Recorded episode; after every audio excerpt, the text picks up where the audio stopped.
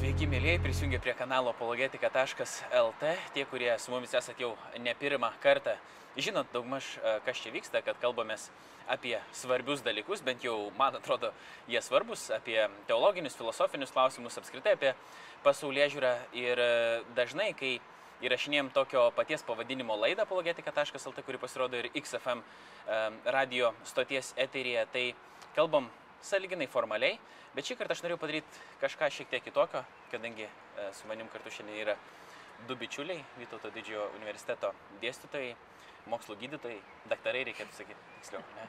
E, gydytoja, filosofijos gydytoja, būtų, ne? E, daktarė Lina Šulcienė. Labą dieną. Sveiki. Ir teisės gydytojas Paulius Čerka. Labas, Paulius. Kadangi mes esam šiek tiek pažįstami, tai kreipsiuosi aš į kiekvieną iš jūsų tu, kad neapsimestumėm čia labai taip formaliai, nors iš tikrųjų į Liną dar šiek tiek sunku yra kreiptis. Tu, kadangi, nu tiesiog sunku ir viskas. Kažkokį jaučiau autoritetą gal tokį. Tai va, o su Paulium kažkiek esame apsišlifavę, tai yra kažkiek lengviau.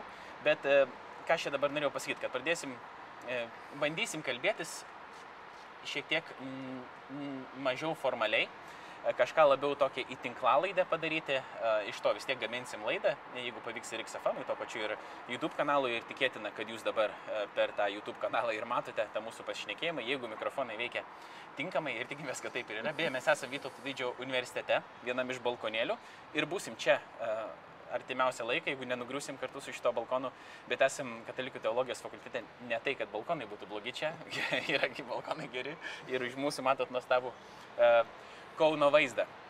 Kalbėsime mes apie laisvę, kas laisvė yra, kadangi uh, visi tos laisvės nori, uh, reikalauja netgi. Ir bandysim panagrinėti tą klausimą. Ir manau, kad mano pašnekovai šiandien yra puikus šitai temai, kadangi tiek vienas, viena filosofija, kitas teisininkas ir bent jau iš tų dviejų skirtingų perspektyvų galėsim tą padaryti. Aš tikriausiai mažiausiai čia kišiu savo tą nosį tai, bet irgi, kas man šausi galva, tą aš pasakysiu, arba paklausiu bent jau, bent jau jūsų ir pažiūrėsim, gal kažkokią diskusiją pavyks mums išvystyti. Ne? Ir jau dalis tos diskusijos jau čia prasidėjo, apie akvinietį buvo galima išgirsti man, vat, būnant kitoje auditorijos, kitame auditorijos gale. Bet ką šitas tos įvadus tiek ilgai šneku, einam prie temos, ne? Kas yra laisvė? Lina, kas tai yra?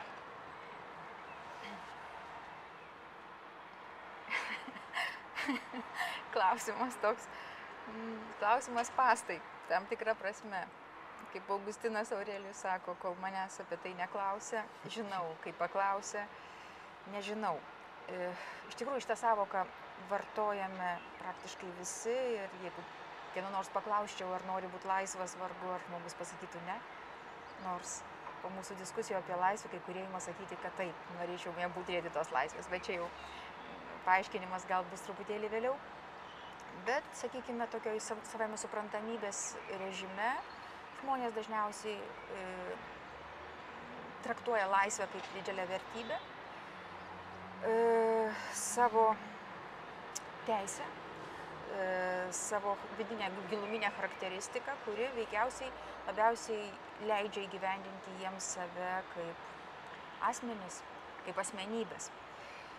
Tačiau savoka yra tikrai labai sudėtinga ir problemiška. Pirmiausia, jinai turi skirtingus, skirtingus laukus, skirtingus lygmenis, kuriuose jinai yra vartojama. Dažniausiai mes ją vartojame tokiam socialiniam, bendrajam lygmenyje, kai sakom, kad mes turim turėti galimybę, laisvę pasirinkti vieną arba kitą veiksmą, daiktą, gyvenimo būdą, trajektoriją ir panašiai. Ir kiekvienas, kas kliūdo mums tai padaryti, yra tikrai mūsų, mūsų priešas, nes jisai neleidžia mums įgyvendinti savo žmogiškumo pilnai. Tai laisvė siejasi su tam tikru na, savo žmogiškumo pilnu įgyvendinimu. Bet iš esmės šitą socialiniam lygmenį funkcionuojančią laisvės sampratą grindžia veikiausiai metafizinė ir antropologinė laisvės samprata. O iš tikrųjų tai reikia turėti galvoje dar ir tai, kad šiandieną turbūt didžioji dalis gamtamokslininkų, o mūsų dominuojanti šiandien pasaulyje žiūra gamtamokslininkų, pasakytų, jog laisvės kaip tokio dalyko apskritai nėra. Tai yra iliuzija. Ir su kuo tai siejasi? Su fizicistinės pasaulyje žiūros dominavimu. Fizicistinės, kuri e, traktuoja šitą tikrovę kaip apspręstą nu, fizikiniais, fiziniais, cheminiais reiškiniais, kurie paaiškina visą, kas vyksta šioje tikrovėje. Ir kažkokių papildomų kategorijų, kurios kalbėtų apie asmenį, Dievą, sąžinę, laisvę, dorovę. Tiesiog vengia, nes jos yra perteklinės ir jos nepasako nieko daugiau, negu šita mums e, fiziškai duota tikrovė pateikia. Trumpai tariant, kalbėdami apie laisvę, mes iš karto išsiduodam, kad pripažįstame tikrovę, viršijančią šitą fizinės tikrovės lygmenį, nu, vadinkim, tiesiai šviesiai transcendentinę tikrovę. Ir to, ta transcendentinė tikrovė yra ta, kurioje ir yra mūsų žmogiškos šaknys. Čia pradžiai tiek. Mhm. Čia man, e, aš įsikišiu tada čia šitoje vietoje. Kitaip tariant, jeigu mes laikytumėmės tokio griežtai nu, materialistinio, tokio naturalistinio požiūrio, tai egzistuoja tik tais materialus pasaulis, daugiau nieko ir žmogus yra to materialaus pasaulio dalis. Iš esmės jisai fundamentalių, tų giluminių lygmenių nieko nesiskiria nuo tų daiktų, kurie yra aplink mus. Ir atomai nu, neturi labai kažkokios laisvės, jie negali rinktis, kur jiems judėti, kad jie, jie veikia e, priklausomai nuo fizikos dėsnių, Taip. kurie valdo pasaulį. Tai iš principo lygiai taip pat turėtų veikti ir žmogus, bet mes tada, kaip, iš, kaip pasakėjai, kad liktai savo viduje taip nujaučiam ir pripažįstam iš jūs kalbėdami apie tokį dalyką kaip laisvę, kad e, nu, vis dėlto mes galim daryti kažkokius pasirinkimus. Ir teisinė sistema vis dėlto nu, egzistuoja kaip ir, ir taip yra pripažįstama, kad galima kažką vertinti kaip tinkamą, kažką kaip vertinti kaip netinkamą, kaip daroma, nedaroma, už kažką galima bausti, nes jeigu tu iš principo nelabai gali pasirinkti, ar ne, ir kyla tarp filosofų tokių, e, tokių tada pamastymų, ką daryti su, su visa ta penitencinė sistema, ne, bausmėm ir, ir, ir panašiai. Tai va jau mes čia praktiškai jau, jau įrodėm tą transcendentinę tikrovę, dabar kalbėdami per pirmas tris minutės. Tai jau, ir, jau yra neblogai, aš sakau. Neįrodėm dar, palaukit, dar mes jos tikrai neįrodėm, bet aišku, jeigu mes paneigiam laisvės samoką, mes paneigiam atsakomybę mes paneigėme bausmę, iš tikrųjų susviruoja visa teisinė, juridinė tvarka, be, be abejonės.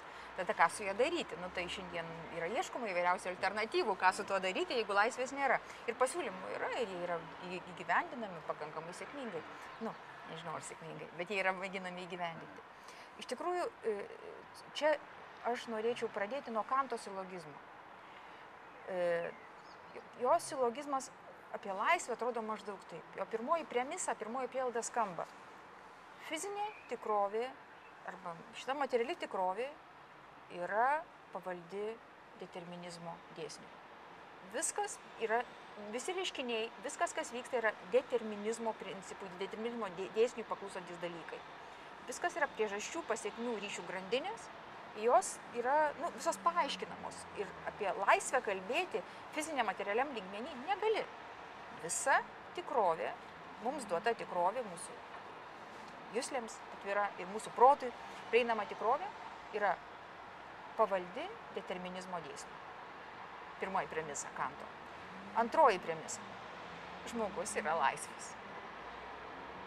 Kokia yra išvada iš šito silogizmo? Žmogus yra ne iš šio pasaulio. tai man labai patinka šita jo gražiai išvalga, aišku, supaprastinta gerokai. Vadinasi, iš tikrųjų, jeigu kalbam apie laisvę, jeigu pripažįstam ją, tada turime būtinai priskirti žmogiškai tikroviai tam tikras charakteristikas. Neišvengiamai. Jeigu neigiam laisvę, tada tų charakteristikų nereikia jam priskirti.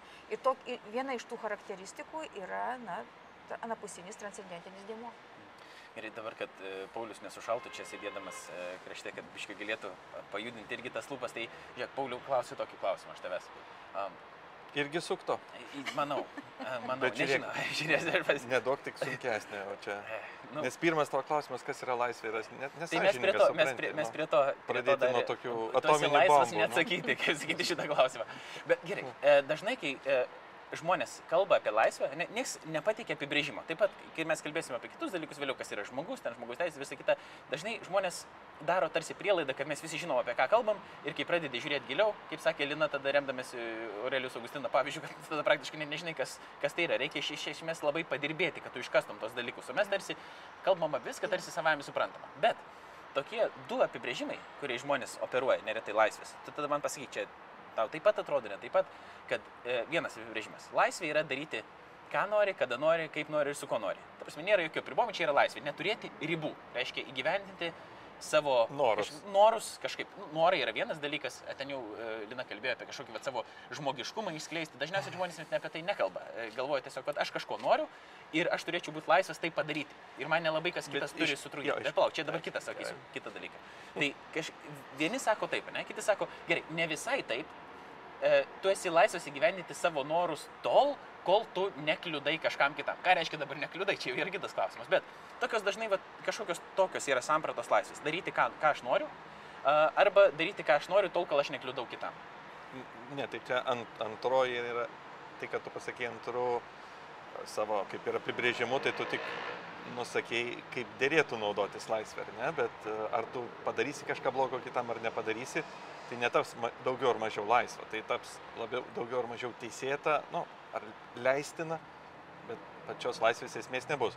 Dabar su to noru, reiškia, paradoksas yra tai, kad ar tu esi laisvas nuo savo noro.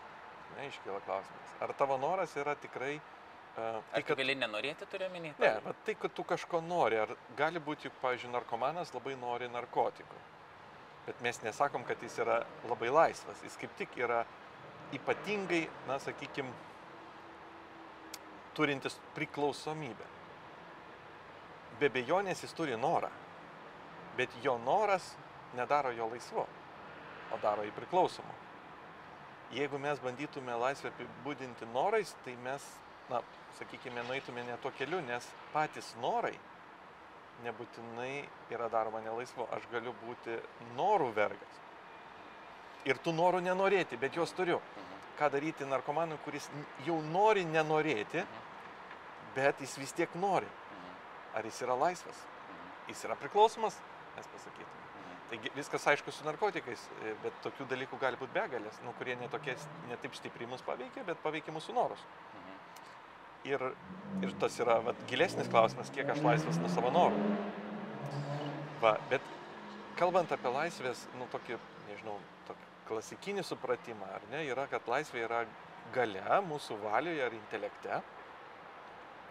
Ta laisvos valios klausimas reiškia laisvai siekti to, ko, na, Nori. tai jo, to tam tikro gėrio. Tam tikro gėrio. Tas gėris gali būti tariamas arba tikras, bet aišku, pirmiausia, aš jo užsinoriu. Tai yra neišvengiama, jeigu aš matau kažkokį gėrį, aš jo noriu. Bet klausimas yra, kaip aš jį pasimsiu. Laisvė pasirenka priemonę tą gėrį paimti. Jeigu tu ateini į restoraną ir staiga atsisakai skanaus patiekalo, Ir pasiėmi surūgusi. Ne, pasiemi galbūt kažkokį nelabai skanų, bet paaiškėja, kad tu sieki numesti svorį, tu laikysi dietos. Ir tu padarai tai laisvai. Reiškia, save pribojai, siekdamas tikslo numesti svorį. Ir tavo pasirinkimas buvo kelias į tą tikslą. Iš esmės, laisvė yra pasirinkti tą, reiškia, būdą, kaip aš einu link savo to gėrio, tos priemonės. Bet tas dar gėris- klausimas yra, ar tas gėris yra geras iš tikrųjų. Čia jau kitas klausimas. Man jis bent atrodo kaip Aha. geras. Bet jeigu mes paimsim tas gėris, pavyzdžiui, kodėl tu paklausai, o kodėl tu nori numesti svorį, vėl bus už to stovi kitas gėris. Aš nenoriu galbūt susirasti draugų ir šeimą. A, o kodėl tu to nori? Ir iš esmės mes suprantam, kad žmogus yra vedamas tam tikrų tikslų. Jis juos turi. Gerai, blogai susistatęs. Jis mato kažkokius gėrius, už tų gėrių dar kitus gėrius. Ir laisvė yra klaidi. Nes kai kada tu matai gėrį ir tu nu, blogai susistatai tos gėrius. Tu nepamatai tikrų gėrių. Mažus gėrius pamatai, jų vaikais į to mažo gėrio vadinkim. Tai ir kai kada tie pasirinkimai vaikytis mažų gėrių gali tave labai riboti. Jeigu tu nu, turi blogus, ne, kaip sakyti, netinkamus gėrius, kaip narkomanas, tai jis kiekvienu suvartojimu tampa mažiau laisvas pasirinkti iš tikrųjų tai, kas yra, nu, gėriai gėriai. Bet vieną mintį tokį įdomią dar pasakai, kad, kad galima save apriboti laisvai tam, kad pasiektum kažkokį tikslą. Ne? Tai Taip. čia atrodytų tarsi nu, prieštaravimas pats savo, dažnai žmonės taip supranta, ne, kad laisvė su apribojimu nu, nedėra niekaip. Jeigu tu kažką riboji, jeigu nustatai kažkokias ribas, reiškia, tu jau nebesi laisvas. Prasme, laisvas yra, nu, kaip, aš, nu, nu taip, visai, ne? Kad jeigu tu uždedi kažkokį, kažkokį dalyką, kažkokias ribas, reiškia, tai jau yra laisvas varžymas. Jo, tai, Atsakau. jo, jo, jo, tai, tai dabar reikia atskirti ribas, kurios yra iš išorės ir iš vidaus. Ne? Tai mes labai bijom iš išorinių ribų ir čia yra teisė, kurio, kurios rūpestis yra, kad valstybė Ir visuomenė nu, neprispaustų tavęs.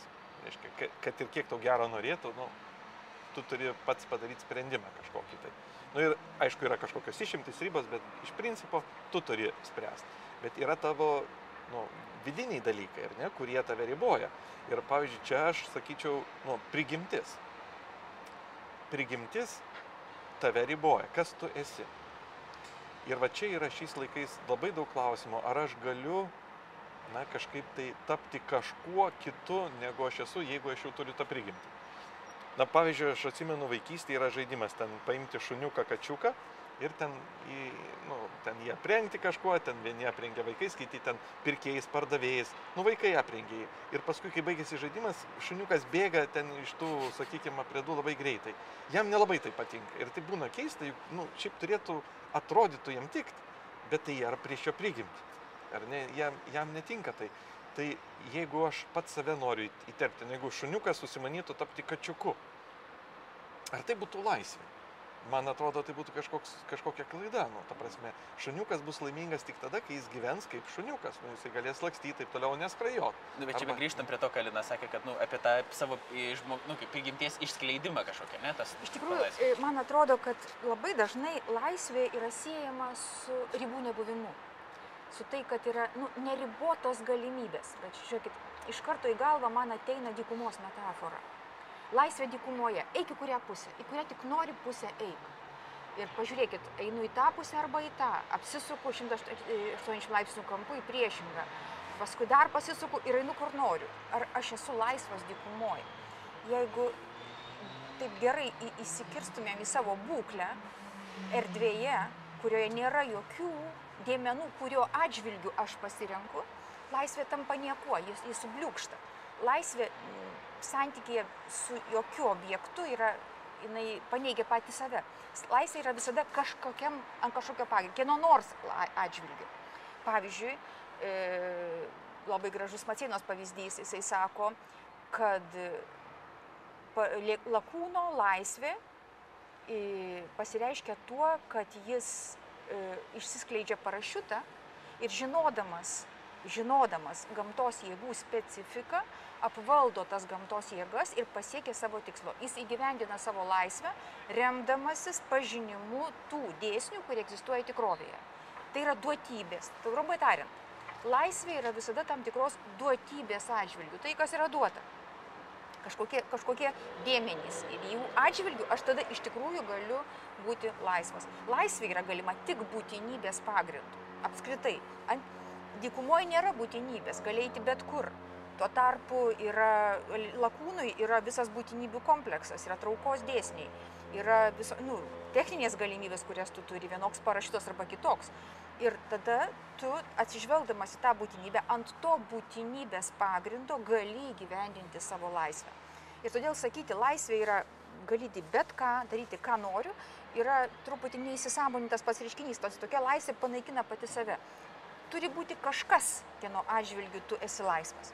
Ir dabar su ta prigimtim, ar ne, vat, kuri yra, ji yra irgi yra ta būtinybė, kurios pagrindu aš įgyvendinu savo laisvę. Aš, pavyzdžiui, negaliu ne- tapti balerina, nes man jau per daug metų. Nu gali, gal tik tais ne super gera. Aš noriu super gera, kas nenori būti super gera balerina. Paskui aš negaliu, aš negaliu skraidyti, galų galia tai yra mano prigimtis apibrieštis pati, išskleisti rankų čia nuo balkonėlio, taip sakant, jeigu netyčia nu- nuskristų. Ir, ir nu, tai, ar tai yra didžiulė nelaimė, kad aš negaliu šokti baletas profesionaliai ir skraidyti, ar tai yra didžiulė nelaimė? Nu, ta prasme, tai jeigu aš dėl to raudosiu, tai tada, nu, iš tikrųjų, turbūt psichinė negalė man bus būdinga, nes aš trokščiu laisvės, kuri yra dykumoje. Aš trokščiu laisvės, kuri panaikina pačią laisvę. Ta prasme, normalios sąlygomis mes esame protingos būtybės. Ir normaliomis sąlygomis protingos būtybės mato, kaip tai la- laisvė yra įgyvendinama, nu kaip, remiantis tam tikrų būtinų pagrindų. Ir čia iškilo tokia diskusija tarp jūsų su Pauliumi apie norą. Noras buvo kvestionuotas, noro savoką išmetėm, liko savoka siekti gėrių. Man tai atrodo, kad yra tas pats, ar siekti gėrių, ar norėti. Noro ir siekti gėrių savokos yra sinonimiškos. Ir man vat, vat, klausimas, ar laisvė yra noras, laisvė tapatinama su noru, laisvė tapatinama su protingu noru. Ir va čia šitas būdvardis yra labai svarbus.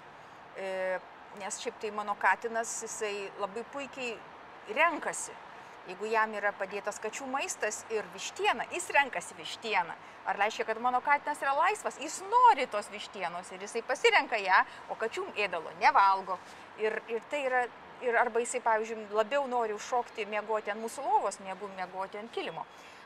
Juk jis daro, ką nori. Jisai laisvas katinas. Tai gal ir jam yra būdinga laisvės gale? Ne, nebūdinga, pasakys filosofija perienis arba amžinosios filosofijos atstovų visa eilė. Todėl, kad laisvai reikia protingo noro. Va čia, o čia klausimas yra, tas protingas. O kas nustatys čia dabar protinga ar neprotinga? Tai čia visi ir, ne, kaip, ne visi diskutuoja, bet vis tiek tas kažkur dalykas slypia, nes sako, čia dera taip norėti arba nedera. Vienas sako, kaip tu drįsti man nedėrėti taip norėti ir tu, nu, atitinkamai elgtis, čia juk yra protinga. Visi protingi, bet dažniausiai, vat, kaip sako, uh, juk mes gyvenam 21 amžiuje. Suprask, prieš tai žmonės buvo kvailesni, arba kažkokie netokie išprusę, arba mažiau žinojo, čia mane mama auklėjo, kai man buvo 12 metų, ne tik kad auklėjo, gal bet juokėsi iš manęs, nes aš kažkokį rašiau rašinėlį ir ten leidau suprasti, E, to rašinėlių rašydamas, kad viduramžiai žmonės buvo kvailesni, nes dabar mes turime kompiuterius, dar kažką. Ir aš žiūriu, kad, nu gerai, mane mama paauklėjo, tiksliau pasijuokdama iš manęs, kaip aš taip galiu galvoti.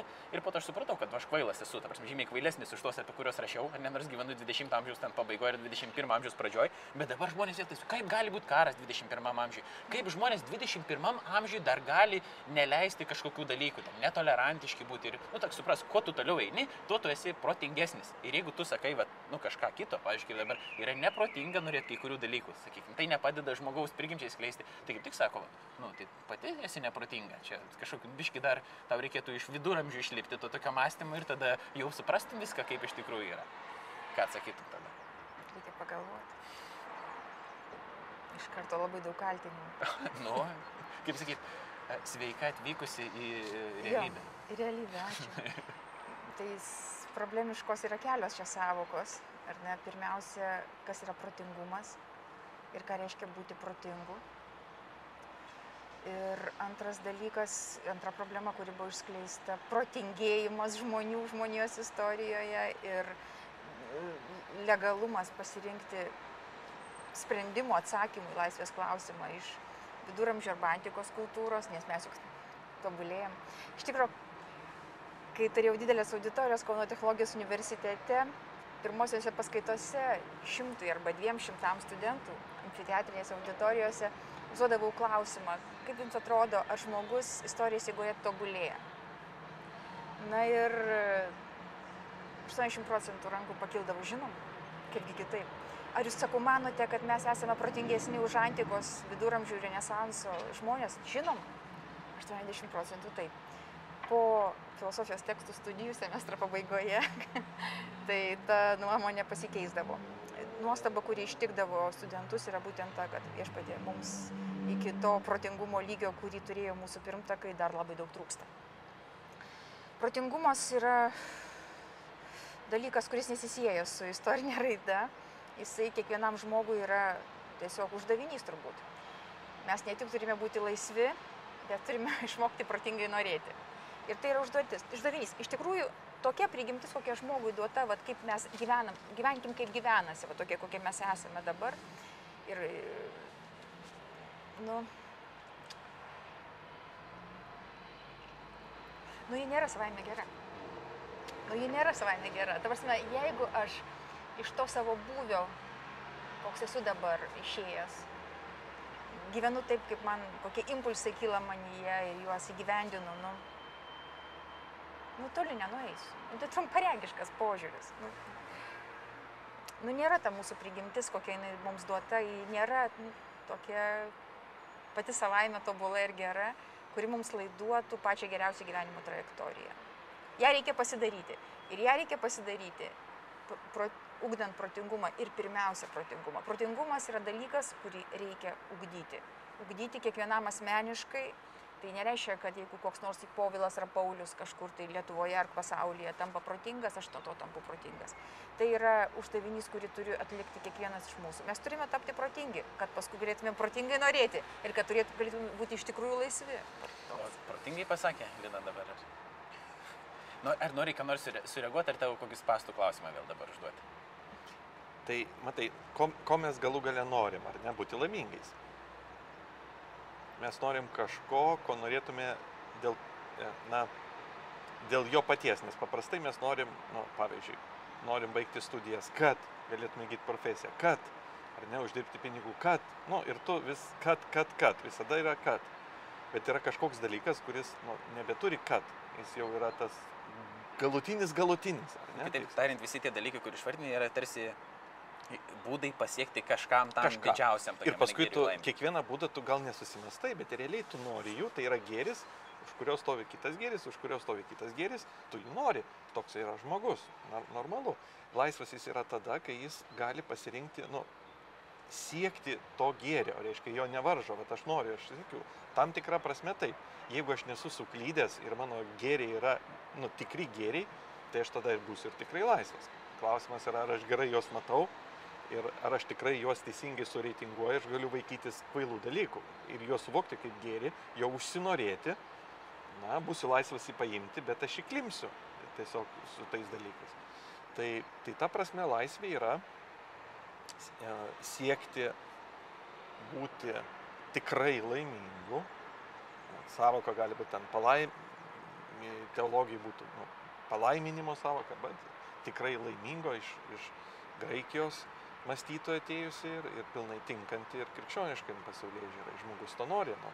Tai vad dabar, kiek jis renkasi, katinas užlipti ant lovos būtų nelaisvas, jis apribotas, taip, bet jis nedaro tikro pasirinkimo kaip laisvo pasirinkimo. Jis tiesiog, vad- vadinkim, nori, bet tai yra determini, determinuotas noras. Nu, reiškia, jam neleidžia Nu, šeimininkas. dažnai yra operuojama nu. tokia, ai, bet e, čia apie šeimininkų leidimą, neleidimą Nu, bet, bet viskas. apie gyvūnus dažniausiai kalba, kalba apie instinktus. Ne? Ir instinktų tokia savoka, kad jie yra vis tiek, nu, ne tai, kad žmogus bando svarstyti, aišku, klausimas yra, kiek ten žmogus irgi yra laisvas pasidaryti, padaryti tiksliai vieną ar kitą pasirinkimą, ne?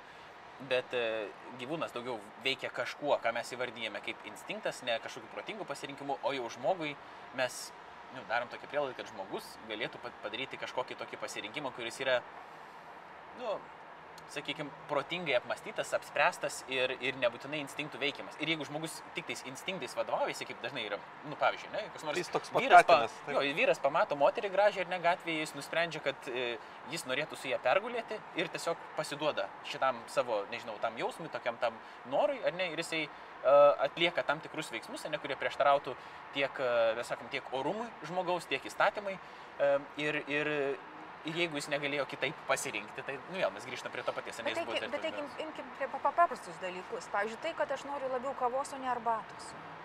Tai, kad aš noriu labiau tokios mašinos, o ne tokios. Tai, kad aš labiau norėčiau žiūrėti šitą filmą arba šitą filmą. Ir ištisai noriu to arba to. Ir įprasta manyti, kad aš laisvai renkuosi. Bet aš renkuosi lygiai taip, kaip mano katinas. Nes jis labiau nori ant lovos miegoti negu ant kilimo. Dėl to, kad man tai labiau patinka, man tai labiau skanu, man tai labiau miela. Ir ar galima būtų šitus pasirinkimus laikyti iš tikrųjų laisvais, aš abejoju. Bet gerai, Tai- ne, bet- ar jo, tai čia šiuo atveju- Ne. jo. Nes aš turiu čia tokį vieną vietą, kur noriu spustelti. Jeigu ko. aš būčiau katinas, aš irgi norėčiau ant lovos. Nu, logiška. Ta prasme, bet jeigu mes kalbam apie uh, žmogaus, nu, tų tikrųjų gėrių pasiekimą, ar ne, jie yra susijęs su dorybėmis, su, nu, su vidiniais dalykais. Ir čia mano pasirinkimai, jie gali arba tai plėsti, arba siaurinti. Ir va tas tavo pavyzdėje vyriškis, kuris pasirenka tokie labai trumpalaikius santykius, jis sumažina galimybę, sakykime, pasirinkti šeimą. Kažkuria prasme jis pasirinko laisvai tą kartą, bet sumažina savo laisvę kurti šeimą. Nu, jam sunkiau bus užmėgsti, sakykime, sukurti, aš nesakau, kad neįmanoma, bet pasunkėja. Aš turėjau iš įsamenį prievartavimo atvejį, tai tada yra dar kito žmogaus laisvė, kuri, Tai pavyzdžiui, tada darbuojas jo pažįsta. laisvė bus apribota dar kurį laiką, ne? kažką daryti. Tai va ir viskas, jis iš esmės padarė laisvai, nes jeigu nepadarytų laisvai, jis nebūtų teisiamas. Bet jis bus teisiamas ir jo laisvė, nu, duoto atveju techniškai bus apribota. Bet net jeigu mes kalbėtume apie kažkokius tokius trumpalaikius santykius, jie, mm, na, darybinė prasme menkina mano šansą vėliau plėtoti mano darybę, reiškia tikrai tapti laisvu. Aš tampu vis labiau, mažiau ir mažiau laisvas. Reiškia, mano pasirinkimas sumažino mano laisvę. Aš noriu dar, va, Į- sureaguoti. Siekti tos laimės, nes be darybės tu jos nepasieksi. Grįšim dar tikriausiai prie to, jeigu aš atsiminsiu, bet e, apie tą e, laisvą arba nelaisvą žmogaus pasirinkimą. Ne? Čia ir teologinėse ratose yra tas diskutuojama, kiek žmogus yra iš tikrųjų laisvas, kiek Dievas determinuoja ten materialistiniai pasaulyje žiūrai, tai būtų kiek vat, gamta determinuoja tam tikrus dalykus, bet man iš tikrųjų tas nu, aš nesu labai pakantus tokiam mąstymui dėl to, kad uh, čia yra tokie, man atrodo, kaip sakyti, išvedžiojimai, atsiribuojant nuo uh, tokio sveiko požiūrio, sveiko proto požiūrio į pasaulį, kai tu iš tikrųjų patiri, atrodo, ta laisvė ir viskas byloja apie tai, kad egzistuoja dalykai, kad mes esame laisvi bent jau kažkuria prasme rinktis. Galbūt netobulai, galbūt mes netobulai viską suprantame, bet uh, ne tas mąstymo procesas apie tą mūsų laisvę ar determinizmas jau man byloja apie tai, kad mes esame nu, mes galime mąstyti apie tos dalykus. Uh, galime rinktis, tikėti, ką tas autorius sako, ar netikėti kažkaip. Nu, čia dar įeina visokių papildomų tokių dėmenų, dabar kaip esame mes įtikinami ir panašiai. Bet ar nepadeda tos vat, problemos, Linai, spręsti? Pauliu, tu irgi reaguok į tą būdų, kad uh, gerai, žmogus nėra tobulai laisvas. Čia niekas to ne, ne, nekvesionuoja. Aš negalėjau rinktis, ar aš gimsiu, kur aš gimsiu, koks aš gimsiu. Ta prasme, aš savo ūgio negalėjau pasirinkti pilnai, ten kaip mano akis atrodys, viena mažesnė, kita yra e, didesnė. Ar ne, e, savo užauginimo stiliaus aš negalėjau e, pasirinkti, aš negaliu pasirinkti. Dabar, dabar jau gali. Nu, kažkiek galiu, ne? Bet e, e, aš galiu pasirinkti, ar šokti nuo čia ar ne. Pavyzdžiui, nuo šito balkono, kaip jau buvo duotas pavyzdys, bet aš bet negaliu pasirinkti skristi ar, jo, ar neskristi, po to jau nebelabai galėsiu rinktis. Tai um, aš nesu tobulai laisvas. Yra daug dalykų, kurie man yra, sakykime, duoti. Arba, pavyzdžiui, jeigu aš e, save um, pripratim prie kokios nors substancijos, ten, pavyzdžiui, prie kavos, prie cukraus ar ten prie narkotikų, dar kažko, aš tampu mažiau laisvas rinktis kažkokius kitus dalykus. Tai reiškia, nu, tie, mes nekvesionuom, kad tie dalykai tikrai daro įtaką, kad yra kažkokia įtaka. Bet vis tiek lieka tas klausimas, ar žmogus vis tiek kažkuria prasme, kaip Bilas Kreigas sako dabar, nu, jis kaip laisvė bando apibriežti, kad yra real, re, kaip sakyti, reali galimybė pasirinkti toj pačioj situacijoje du kartus skirtingai. Tai reiškia, kad tu būdamas toje pačioje situacijoje gali pasirinkti vieną kartą vienaip, kitą kartą kitaip. Pavyzdžiui, lipti į trolibusą arba nelipti, jeigu tu atsidurtum. Nereiškia taip, kad tu būsi toje pačioje situacijoje ir tu kiekvieną kartą elgsiesi lygiai taip pat. Nu čia būtų determinizmas. Tu neturi laisvės kažkokio. Bet jeigu tu gali toje pačioje situacijoje būdamas kažkokiu būdu pasirinkti arba A arba B, Tai reiškia, tu kažkuria prasme esi laisvas. Kažkas tavyje yra tokia duotybė, ne kuri... Čia tu nuo išorės veiksmai. Tai yra garsioji buridano asilo aporija. Nu, buridano asilo vadinama garsioji, bet prašom, tik galbūt, jeigu ne visi žinote garsiai, pagarsiai. Apie svarstymus, kurie priveda prie mirties. Viduramžiais Buridanas iškėlė tokią idėją, kad, e, pavyzdžiui, jeigu prieš asilą padėtum dvi vienodas šieno krūvas, vienodo atstumu, visiškai vienodas, jokių skirtumų nebūtų, jis numirtų iš bado, todėl kad jis negalėtų pasirinkti. Tuo tarpu žmogus gali pasirinkti, nes tas, jeigu aš renkuosi labiau kavą negu arbatą, nes man labiau patinka kava, tai nėra situacija, kuriuose išbandoma mano laisvė. Bet buridano situacija, vat, yra dvi vienodos šieno kupetos ir aš galiu pasirinkti A ir B, du variantai. Bet čia yra ne, šitokių galimybių mes netiek daug turim iš tikrųjų. Mūsų gyvenimas dažniausiai sukasi tarp pasirinkimų, tarp norų įgyvendinimo, o ne tarp pasirinkimo. Mes žodis pasirinkimas ne visai jautri vartojamas šiuo atveju. Man, Kodėl? Todėl, kad pasirinkimas, atrodo, pasirinkimas yra, nu, mano, suponuoja laisvės savoką. Tuo tarpu čia mes kalbame apie norų įgyvendinimą. Ir, ir, ir man atrodo, kad mums čia pagelbėtų mūsų pirmtakų krikščionių didžiųjų bažnyčios rašytojų išvalgos. Pirmiausia, pradėsiu, pradėsiu nuo e, Augustino, kuris vienas pirmųjų laisvės sampratą e, pakankamai giliai išanalizavo ir jisai lotiniškai, kalbėdamas apie laisvę, vartoja du skirtingus terminus. Vienas terminas yra libertas, libertas laisvė, libertas ad bonum iš tikrųjų, tokiam diriniui, laisvė gėriui, o kitas terminas yra liberum arbitrium, arba lietuviškai netiksliai, bet vienintelis turbūt tinkamiausias vertimo variantas būtų laisvas apsisprendimas. Laisvas apsisprendimas. Ir jisai mano, kad tos dvi laisvės yra vieno skirtingo ligmens. Menkesnė laisvė, daug menkesnė yra liberum arbitrium apie kurią mes turbūt dabar kalbam. Mhm. Tai yra pasirinkimas tarp kavos arba, na nu, gerai, jeigu tai aš vienodai mėgstu kavą ir arbatą, pasirinkimas tarp dviejų e, šieno kupetų, buridaniškas ir kažkoks kitas, tarp Kauno ir Vilniaus, tarp dviejų automobilių, tarp renginių, kuriuose dalyvauju, važiuoti ar gospel festivalį ar nevažiuoti ir panašiai. Tai šita laisvė neprarandama, ji yra menkesnio ligmens, ir ji nėra ta, kuri pilniausiai ir prezentuoja žmogų, jo gilumoje, jo esmėje. Svarbesnė laisvė yra libertas ad bonum, laisvė gėriui. Nes žmogus yra būtybė, aš čia pradžioj sakiau, kad nėra savaime suprantamai geras, vat, nėra kaip duotas kaip geras. Jisai yra ne tik nėra gėris pats savaime, koks jis yra. Nu, mes aptinkam tą savyje, tai nėra kažkokia deklaracija tuščia. Mūsų jų prigimties įvaizdis tam tikra prasme būtų panašus į tą stovėjimą ant eskalatoriaus laiptų, kuris visą laiką važiuoja žemyn. Lietai, po truputį, bet jeigu aš nededu pastangų ir nieko nedarau su savo gyvenimu, eskalatorius pamažu važiuoja žemyn. Šitą išvalgą, nu, technologinė prasme yra aišku šio laikiška, bet ji yra sena nuo Platono laikų, ją kartoja visos įžymiosios mokyklos, žymiausios filosofijos mokyklos. Jeigu aš nieko nedarau, va taip kaip duotas mano gyvenimas man, tai aš stoviu ant eskalatoriaus laiptų ir eskalatorius nuolat važiuoja po truputį žemyn. Ir todėl būti iš tikrųjų laisvu yra judėti, yra pastanga, bent išlikti vienoje vietoje. Arba, jeigu noriu kilti ir tobulėjimo linkme eiti ir labiau save išlaisvinti, tai tada, va tai yra libertas ad bonum, o tai yra pastanga. Ir va šita laisvė, šita laisvė yra prarandama. Ji gali būti prarasta. Ir va šita, va šita laisvė, apie ją daugiau kalbės vėliau po kelių šimtmečių, septynių šimtmečių Tomas Akvinėtis, Ir va šita va laisvė yra ta, kuri šiandien su krikščioniška personalistinė filosofija labiausiai yra aptarima. Ir labai man nuostabi, nuostabu, kad mes turime Antaną Maceiną, lietuviškai rašiusi filosofą Münchenė, dėjusi savo raštus į stalčius ir dėl to mes galbūt filosofiniai plotmiai esame gerokai daugiau pažengę už mūsų brolius Estus ir Latvius, todėl kad mes turime Maceiną, kuris tikrai padarė neblogą trampliną mums visiems šitoks interpas į šalį.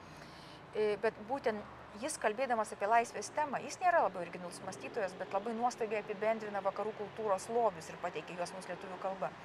Jis cituoja Karlo Ranerio apibrėžimą apie laisvę. Laisvė yra absoliučiai sava asmens gale apspręsti patį save. Dėmesio, absoliučiai sava asmens gale apspręsti savo, patį save. Ji tobula. Va čia tobulumo laisvės galima ieškoti. Dabar kyla klausimas, ką reiškia absoliučiai savo asmens gale apspręsti patį save. Yra vidinė, be abejonės, ji nesisėja su kava arbata, ji nesisėja žmonių tarpusavio santykis, ji siejasi dėmesio su vienu dalyku - mano santykiu su Dievu. Nu, man tai tinka. Bet... Palaukit, palaukit, bet nuo to, viskas, nuo to viskas priklauso. O čia, čia kaip deterministinis momentas, va čia va yra, nu čia kaip paleisi, taip ir ta, ta, ta linkime tavo visas gyvenimas. O čia, ne tai, kad tu apsispręsi, kad Dievas yra arba nėra mažoka. Kaip tu apsispręsi, koks tavo santykis su Dievu, pavyzdžiui, kokį, koks tavo santykis. Ar jisai despotas, sadistas, kuris tave kankina, jis yra mylintis tėvas. Vat, va šitas apsisprendimas yra fundamentalus, o nuo jo priklauso visi kiti. Ir toliau visas tai siejasi su pastangom. Nu, bet čia aš. Viskas čia labai gerai, aš tik pasakysiu, kodėl tinka ir eisim, Pauliau, kad, nu, sakau, ne, kažkaip man e, liūdna, kad aš tau neduodu pakankamai dabar pašnekėti. Bet e, viskas gerai labai.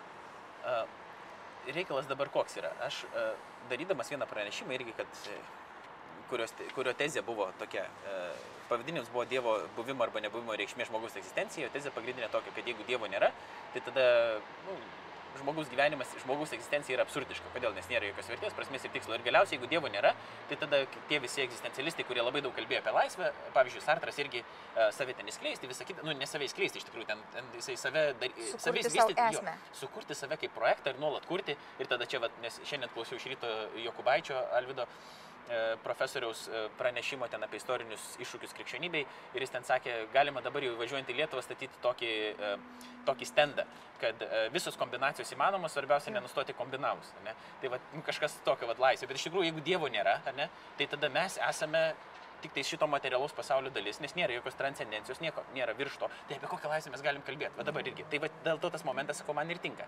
Bet dabar, va, noriu tavęs klausti, Pauliu, tada čia tu tu pradėjai irgi sakyti vet, apie tos pasirinkimus, tinkami, netinkami, geri gėriai, negeri gėriai, kaip netikri, manoma, netikri. netikri gėriai.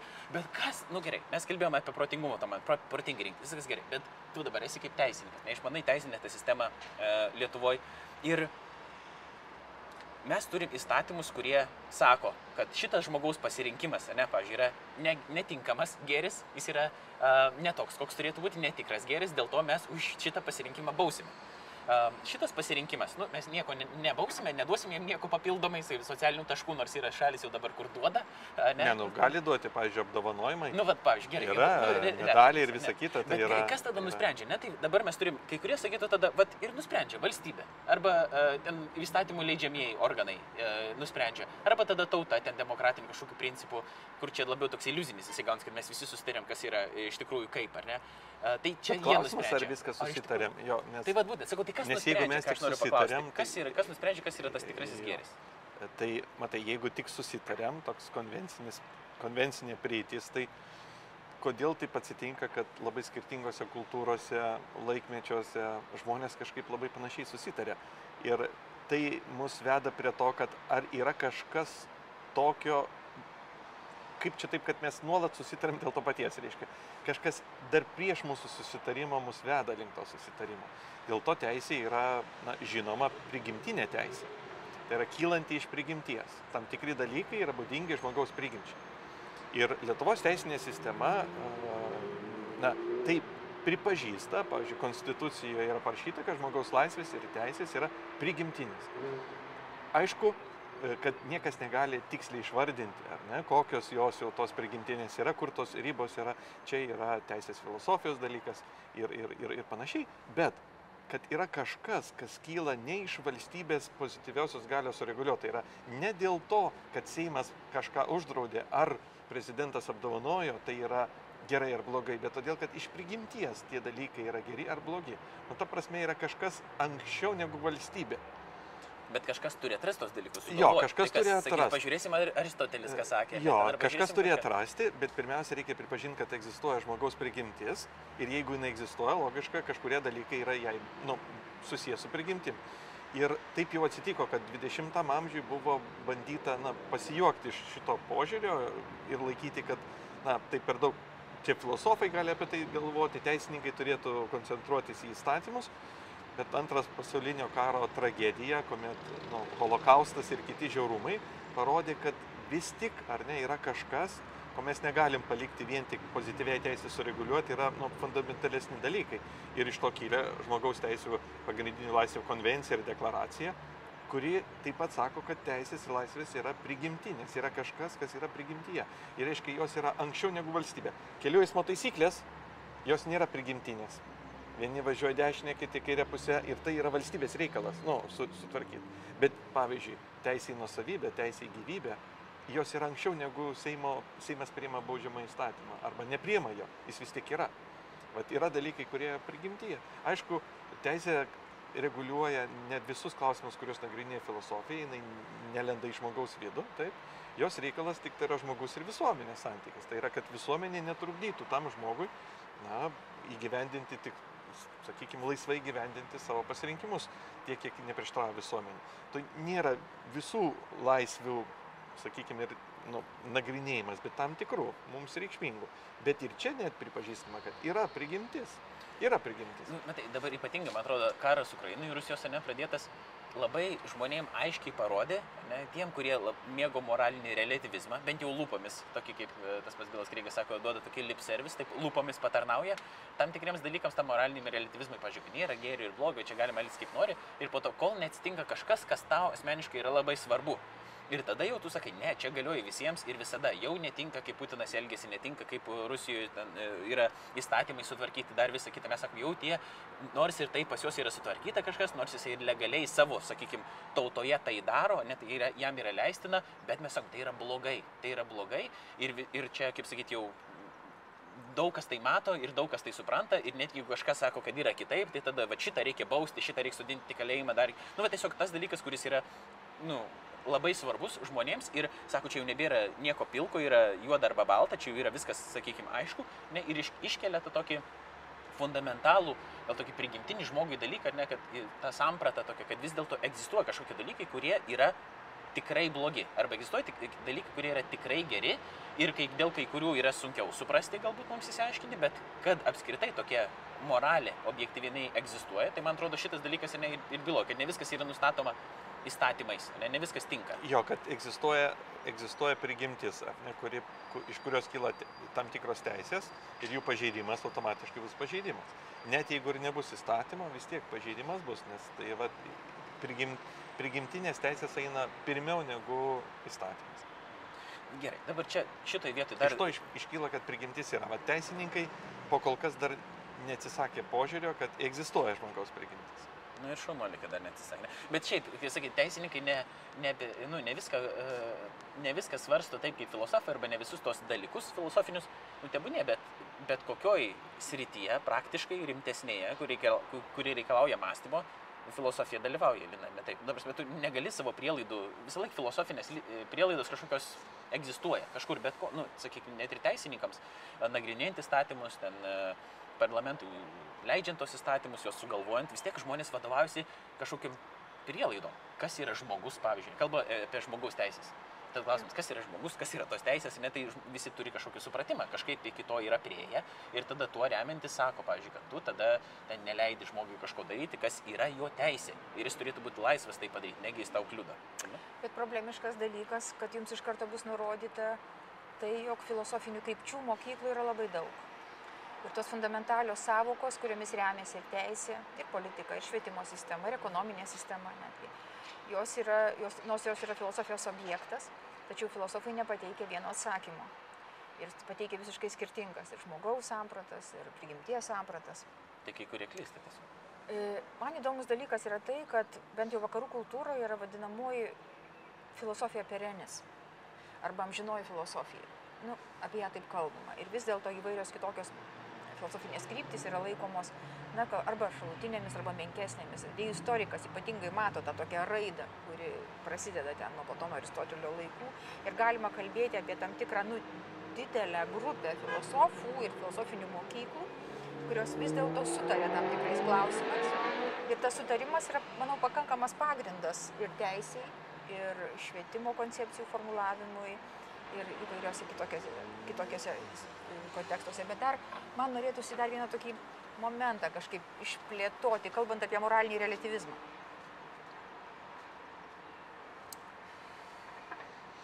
Mm.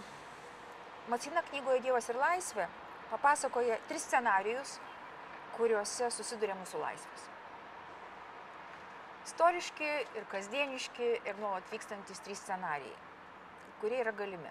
Nu, jie prasideda nuo to, kad kiekvienas žmogus yra traktuojamas kaip būtybė, kuri turi savo laisvės galę ir ta laisvės gale natūraliai, sako jis, trokšta plėstis iki begalybės. Tai reiškia, kad plėstis tenais, kur yra kitų žmonių laisvės laukai. Nu, jis netrokšta užgrobti ipso fakto tiesiog kito žmogaus laisvės lauko, bet jo norai, jo troškimai, jo pasirinkimai yra tokie dideli, kad jie natūraliai susiduria su kito žmogaus ribomis, matytas sako laisvės ribomis, ir įvyksta tam tikras na, konfliktas, susidūrimas. Ir tada tų susidūrimų variantai gali būti trys.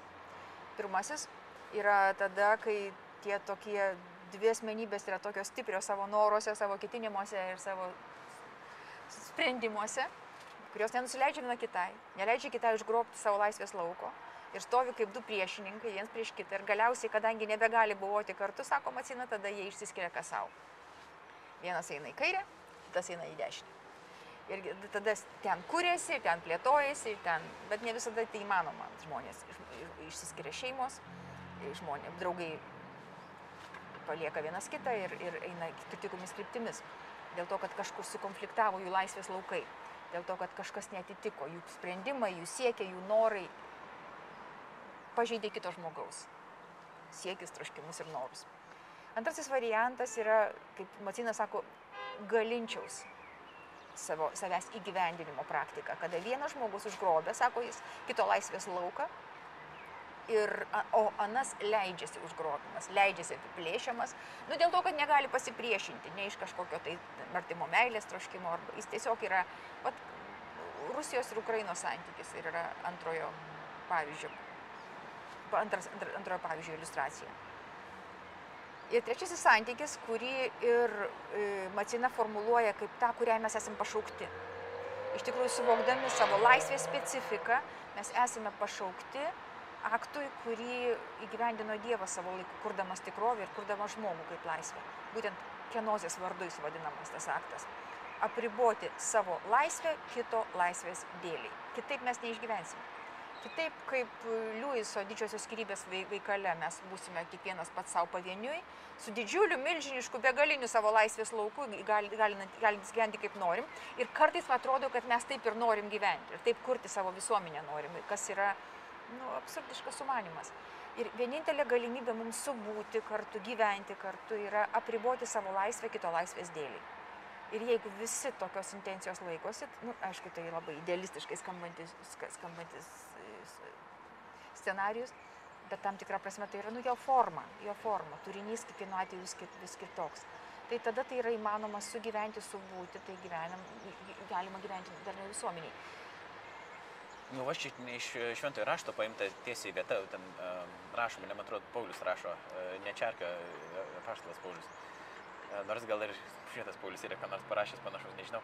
Uh, apie tai, kad uh, broliai, jūs ten nepataikaukite savo kūnui, nes galvojat, kad čia yra laisvė, išprintina aš perfrazuoju, ne, bet iš tikrųjų tai jūs esate pašaukti laisviai, bet e, dėl to netarnaukit savo kūnui, bet vienas kitam patarnaukit. Iš principo tai jūs turit tą laisvę, ne, nes krikščionybė dažnai, vat, aš nuolat gaunu tokį kaltinimą e, socialinėse medijose, šiaip iš tų pačių žmonių, kurie ypatingai nori būtinai kažką pasakyti ir to paties pasakyti. Sakyt, nieko originalaus ten jau nebėra, bet yra vis laik tas pats, kad krikščionybė yra ir religinis mąstymas, kas tas religinis mąstymas, kas ta religija, ką tas žmogus, nu nesvarbu, ne, bet e, jinai yra tik tais varžanti, jinai neleidžia man laisvai mąstyti. Aš taip galvoju tik dėl to, kad aš esu religinis fanatikas ir aš kitaip galvoti negaliu. Tarsi, jeigu aš būčiau nereliginis fanatikas, aš pamatyčiau pasaulį tikromis spalvomis ir aš galėčiau čia dabar, vat, nu, kaip sakyt, e, matyti plačius horizontus, kuriuos man tie religiniai akiniai, nu, kaip tam arkliui, vat, nieko neleidžia į to šonus pažiūrėti ir aš matau tik tai tą vat keurai. Bet iš tikrųjų, va, dabar ką tu sakai, ne, kad iš tikrųjų ir ta, vat, nu, Maceina, aišku, krikščionis, vadovaus krikščionišką pasaulyje žiūrą ir drąsiai.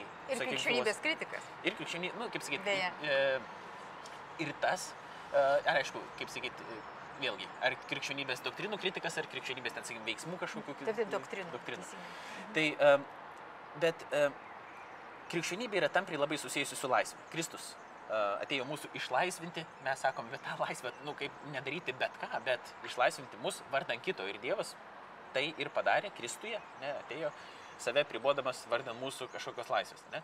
Dabar, Net Kadangi- pa- pažiūrėk, nu, pažiūrėk, Laurinai, viešpačius, kuris yra begalinis absoliutas, sukurti tikrovę, juk tai yra, tik tai yra apsiribojimo aktas. Sukurti tikrovę, kad kažkas riboto būtų šalia beribio absoliuto. Tai yra, tai yra savęs apribojimo aktas, tai yra meilės aktas. Ir tai yra savo laisvės lauko apribojimas. Dievui sukurti ne tik tai šitą kūrinyje, bet ir kartu sukurti žmogų su laisvės gale. Tai yra nu, sumanimas rizikingas be galo. Dabar būtų viskas paprasčiau, jeigu mes laisvės galios neturėtumėm. Jeigu būtumėm klusnus Dievo valios vykdytojai, nugi problemų nebūtų. bet mes būtume robotai. Bet problemų nebūtų. Bet problemų nebūtų. Bet, tai, ne, aš dažnai tą pavyzdį teikiu, sakau, ar jūs... Ir, ir tai yra, ir, bet tai yra didžiulis, didžiulis vat, apsiribojimo aktas. Antrą kartą milžiniškas savęs apribojimas. Ir man kažkaip tai aš galvoju, vat, kai mama augina mažą vaiką ir kad jinai žiūri, kad jisai, kad jisai būtų, kad jis stotųsi ant ant kojų, juk jisai jinai galėtų už jį viską padaryti. Nunešti, kur reikia, padaryti, kas reikia, perrengti reikia. O jinai žiūri kantriai, kaip jis ryšasi batukus, kaip jisai žengia tuos žingsnelius, kaip jisai kažką daro. Ir jinai apriboja save jo laisvės dėliai, kito laisvės dėliai. Ir tada tas kitas auga. Ir ar jinai kažką praranda, kai apriboja save, jinai įgyja. Ta prasme, tas priekaištas, kurį tu girdi apie tai, kad jūs esate tokie religiniai fanatikai su uždengtom akim siaurai matantis, matot, begalybė yra ir horizontali, ir vertikali. Begalybė yra ir horizontali. Tu gali, aišku, eiti horizontalios begalybės linkme ir dėti ant savo pasaulio žiūrinio švediško stalo ir vieną pasaulio žiūrą, ir tą, ir vis išsirinkti savo, žiūrėk, nu kodėl jūs tokie siaurakakčiai, nu siaurapročiai, pasiremat vien tik tai krikščionybę, nu kaip siaurai. Mes nepasimam visų įmanomų tikrovės modelių ir pasaulio modelių, bet mūsų begalybė yra vertikali. Bet nei Dėl- vienas nepasima visų įmanomų... pa- Ne visi- vienas, tai viena. O antras dalykas, mes esame kviečiami į begalybę, begalybę, bet jinai yra ne, ne, ne, ne, ne horizonto lygmenyje. Gerai. Dabar čia vieną momentą užmiršau, kurį norėjau pasakyti, bet Tai tai apie tiek gal laisvę netaip svarbu. porą- Saky, porą reaguok į tą, ką nori, po to aš tas paklausiu. Dar Jo, ką. tai, tai grįžt. ar Dievas riboja žmogaus laisvę. Nu, toks tarytum, jeigu jo nebūtų, būčiau laisvesnis. Bet jeigu aš esu... Dykumos laisvė. Jo, Būčiau laisvesnis. Jo, būčiau dykumos laisvės. Bet jeigu aš esu žmogus tai aš būsiu laisviausias, kai tapsiu, maks, nu, kaip sakyt, maksimaliai žmogumi. Ir kuo aš būsiu panašesnis į modelį, pagal kurį sukurtas, tuo aš kaip tik būsiu tuo savimi, tikru savimi. Tai krikščioniškas požiūris yra tai, kad Dievas sukūrė žmogų pagal savo atvaizdą, ne pagal save, pagal savo atvaizdą. Dar yra jo atvaizdas. Tas atvaizdas yra Kristus. Jis irgi tapo žmogumi. Ir Kristus žmogus yra tikrasis, nu, maksimaliai žmogus, koks žmogus gali būti. Savimi visų. Tai jeigu aš noriu panašėti į jį, tai aš kaip tik neišsikreipiu, o tampu tuo, kuo kaip žmogus turėčiau būti. Reiškia, labiau laisvas, labiau žmogumi. Kuo aš panašėju į žvėrį, tuo aš esu mažiau žmogus, mažiau laisvas. Būti tuo, kas aš esu.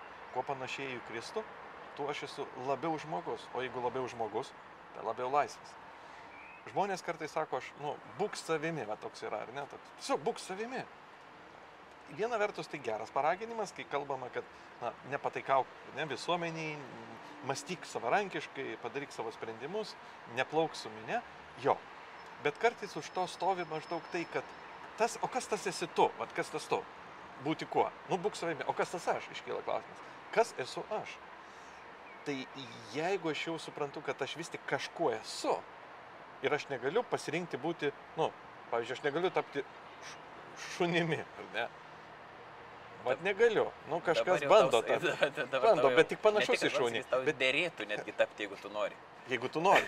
Bet aš prieš tai turiu žinoti, kaip sako, nu, visas sąlygas, ką reiškia jo tapti ir, ir, ir ar tai ir būdinga man. Savęs, Pauliu, Bet-. Gerai, aš noriu tapti žmogumi. Žiūrėk, aš noriu tapti žmogumi. Aš esu žmogus. Blogas noras. Aš noriu tapti maksimaliai žmogumi, dėl to aš seku Kristumi, Dievu tapusi žmogumi, bet taip kaip jis tapo žmogumi, tai yra tas man maksimaliai žmogus. Kiek įmanoma būti žmogus. Dėl to jis neriboja mane. Aš kaip tik esu savimi įsekdamas, nes aš žmogus. Iš tikrųjų, aš prisimenu čia vat, nu, sportininko gyvenimą. Jis tam, kad pasiektų aukštų rezultatų, jis labai daug atsisako. Jis atsisako mažesnių gėrių, mažesnių gėrio. norų dėl aukštesnių gėrių. Ir tu galėtum jam pasakyti, kad, nu, nu kvailas, nu koks siauras gyvenimo, vietau, koks, kaip siaurai jis mato viską. Taigi jis galėtų ir gerti, ir valgyti, ir pakeliauti, ir leisti savo tą ir aną. Jo juk vieną kartą jau užsidirbo ir nemažai iš ten tų ar kitų varžybų.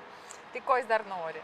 Tai vat, man atrodo, kad krikščionio laikysena yra panašiai sportininko laikysena. Jis atsako mažesnių dalykų dėl didesnių ir tada pasiekia daug daugiau. Bet jis, daugiau. labiau, jis yra Ir jis- labiau savimi tokiu Be būdu, abejonės.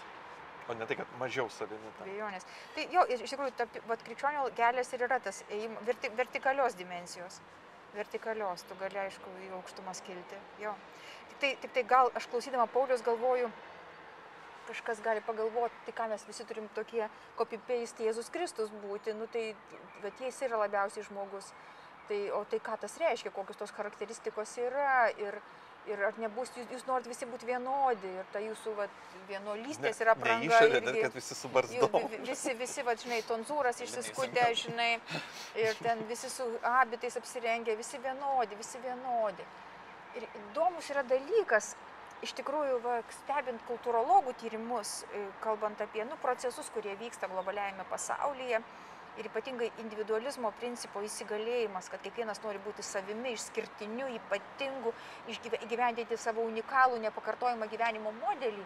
Kultūrologų išvados yra tos, kad žmonės tampa vis vien vienodesni. tą norėjau pasakyti. Vis nes kai-. Paradoksas. kai tu ba- jo, Paradoksalus kai, kai dalykas. pažiūrėti, kai mes paauglystė norėdami būti kitokie, iš tikrųjų žiūri Visi- tokie patys, taip, tą patį pasirinkimą. Ir kada, ir kada ir ši- iške, iškeliamas yra idealas, ir jis yra transcendentinis tas idealas, tai žmonės išsiskleidžia tokiom spalvom, palygink Pranciškų Asižietį ir Tomą Kvinietį. Visiškos skirtingos personalijos, išsis, nu, absoliučiai skirtingi žmonės. Visom prasme. Ir, ir tai yra, nu, ir galiu vardinti ir vardinti jau čia šventuosius, galiu vardinti krikščionis, brolius, seseris, kurių turim, na, nepaprastai skirtingi žmonės. Bet iš to slypi teologinis gi pagrindas, ne, Dievas, e, tobula esybė, pati būtis, ne, kuris visą talpina savyje. Ir jeigu esi sukurtas pagal Dievo atvaizdą ne, ir panašumą, tai reiškia, kad nu, Dievas nėra, nors jis yra, na, nu, sakykime, pagal tomistinį mąstymą paprastas, ne, jis yra, pa, yra toks pa, paprastumas. Bet um, kai Dievas yra sukurtas, kai jisai kūrė, ne jisai kūrė kaip menininkas irgi, nes dažnai va, yra prikišama Dievui, kad jisai kažkoks nu, va, blogas inžinierius. Va, pažiūrėk, per daug visatoj tarpų kažkokiu ten, ne, per, nu, nereikėjo, kodėl jis taip švaisto, ne? Ir tada yra atsakymas dažnai va, tokį mąstymą, nu, kodėl tu galvoji, kad Dievas yra kažkoks veikia kaip, ap, visiškai kaip inžinierius, vien tik kaip inžinierius. Jis veikia kaip, ir kaip inžinierius, kaip dizaineris, kaip projektuotojas, bet tuo pačiu jisai yra nepribotas kažko, jis turi neribotą kiekį uh, kažko, ko, su kuo jisai gali dirbti, ne, nes jisai yra viso ko pagrindas ir jisai veikia kaip menininkas. Ir kaip menininkas jis mėgsta skirtingumą. Kiek, va, yra dvasinių būtybių, angelai, skirtingų, ne, irgi rūšių, rangų, visa kita, dvasinių būtybių, ne pasaulis. Žmogus, ne, žmogus turintis žmogiškąją prigimti, kaip vieną tokią, bet mes esame visi, nu, kitokie, mes esame skirtingi, tai mes ir tas nu, universitetas, ne tas pats žodis, kuriuo mes dabar sėdime. Ne? Angliškai Unity in Diversity, aišku, čia iš latinų kalbos tikriausiai yra atėję, aš nežinau, kaip ten tiksliai būtų. Ne, unitas, spėjau, tikriausiai būtų vienas žodis. Diversitas. Diversitas, ne? Kad e, vienybė skirtingume. Tai mes ir ieškome, ne irgi tada, aš galvoju, nu, teologinė mintis, kad Dievas kaip menininkas kūrintis pasaulį, e, nors žmogų tai yra kūrintis pagal savo atvaizdą ir panašumą, bet kūrintis kaip menininkas. Ne? Užmesgęs parašyta kiekvieną mūsų užmesgęs unikaliai motinos iščiose, unikaliai aš tą žodį pridedu. Ne? Tai reiškia, mes turim žmogiškai prigimti, bet mes turim labai daug ko, nu, kaip skirtingo. Nepakartojama. Nepakartojama esame ir plus bažnyčia. Kaip Kristaus kūnas yra parašyta. Vienam tokios dovanos, kitam yra kitokios dovanos. Ir kas gali pasakyti, man nereikia dabar ausies, uh, ten, kaip ten akis pasakys, man nereikia ausies, ten koja, man nereikia rankos, ne? Kad nu, iš tikrųjų mes galim pasiklysti, tame sakyti, mes turim būti, vat, visi, va taip, krikščionys turi renktis tokius pačius dalykus, va sakykime, sakyti lygiai, taip dainuoti, nesijuokti, net bairuoti negalima, prikeša irgi, va krikščionys nebairuoja, negalima bairuoti. Tai, e, bet ne, ką aš čia dabar noriu pasakyti, kad yra įmanoma turėti tą vieną žmogiškąją prigimtį, ne, kuri sukurta yra pagal Dievo atvaizdą, bet to pačiu žmonėms būti pakankamai skirtingiems, neatsisakant Viena, savo žmogiškumo. Vienareikšmiškai, ta, ta išorės išraiškos Vatrina labai puikiai pateikė pavyzdžius. Šventieji labai labai spalvoti, ta prasme yra nu, ir, gražus, tikrai nepanašus vienas į kitą. Tai, tai tuo būdu mes tikrai esame skirtingi ir čia atsiranda žmogaus asmo, asmens nepakartojamumas kaip žmogiška prigimtis yra ta pati, bet e, žmogaus asmo yra, vat, jau yra vienas toks ir nepakartojamas. Tai vat, kaip tik, man atrodo, krikščionybė buvo vėliavnešys žmogiškos, žmogiškos mens orumo. Nes kultūriškai paprastai žmonės tai graduodavo į ten vergus, kurie beveik ne žmonės ar ne, į karalius, kurie pilnai yra žmonės ir panašiai. Tai mes turėjom, nu, kaip ilgai ėjom prie to, ką krikščionybė arba visas biblinis supratimas apie žmogų, kad kiekvienas žmogus yra pagal Dievo atvaizdą panašumą. Ne tik turtingi, ne tik kilmingi, ne tik gražus ar kažkuo nu, pasižymintis, bet kiekvienas. Ir tas va, kiekvienas asmuo, kiekvienas žmogus yra asmuo, yra nu, labai nuostabi, turtinga tiesa ir dabar jinai, reikia pasidžiaugti, kad yra nu, plintanti ir tam reikia, tam reikia pritarti, aš sakyčiau, asmens orumu. Vadėsti, čia, čia, dabar, čia dabar aš keliu ranką, nes Laurinas savo ilgos kalbos pradžioje pasakė, bet žinome, kad Dievas yra paprastas. Tai tame, o kaip čia dabar taip yra ir paskui išvedė į Dievą kaip menininko idėją. O aš girdžiu ir girdžiu tą pasakymą, Dievas yra paprastas. Teiginys, kuris buvo ištrauktas iš metafizikos viduramžių ir perkeltas į šiandieninę paprastą kalbėseną. Mes sakom, paprastas žmogus, nu paprastas, be jokių fanabėjų. Paprastas. paprastas, kad jis Dievas neturi dalių kažkokių. Taip, taip, sudarytas dalių. Paprastas, kad jis nėra sudėtinis. Ir dabar aš pasakysiu, koks nėra sudėtinis. Jame nėra esmės egzistencijos perskiros, jame nėra potencijos akto perskiros, jame nėra substancijos oksidencijų, materijos formos perskirų. Apie ką aš kalbu? Aš kalbu apie viduramžiško metafizinį kontekstą. Ir kada viduramžių teologai sako, Dievas yra paprastas, jam jis nėra sudėtinis, jame nėra šitų ontologinių perskirų. Bet niekas iš kasdieninės kalbos Nu, tokiomis tai sąvokomis jisai, jisai nėra neoperuoja. pap, paprastas toks Labai nepaprasta suprasti, ką reiškia Dievas. Labai yra- nepaprasta Nu, ir suprasti, to- kas Dievas yra. ne, visi, ne visi, aišku, ir teologijai sutinka, kad, nu, būtinai su tokia samprata. Nežinau, kad e, bent jau evangelių ratus tai tikrai, ir aš nežinau, kaip katalikų ratus, grinai, su, su to mistinė ta samprata. Gal jeigu kažkas sakytų, kad su tik to... to mistinė, praktiškai ta gija eina Nu, nuo seniau, ne? nu, nuo seniau, nuo Augustino jau laikų. Nu, aš tik įvedu tokį, kad nebūtinai visi su tuo, nu, sakykime, sutinka, bet e, čia tas Nu, greičiau apibrėžimas- sutinka, bet vėliau diskutuoja, Jo, jo. kaip tai, kas Nu, tas bet buvo. tai yra tuo, ne? filosofinis, gilus teologinis taip pat kalbėjimas, kuris jau išeina iš to tokio paprasto, paprasto diskurso ribų ir tada reikia aiškinti visus tokius Taip. dalykus. Tai jo, čia, čia aš, gerai, kad, kad buvo tas, kas įvesta. Vieną dalyką noriu sureaguoti trumpai.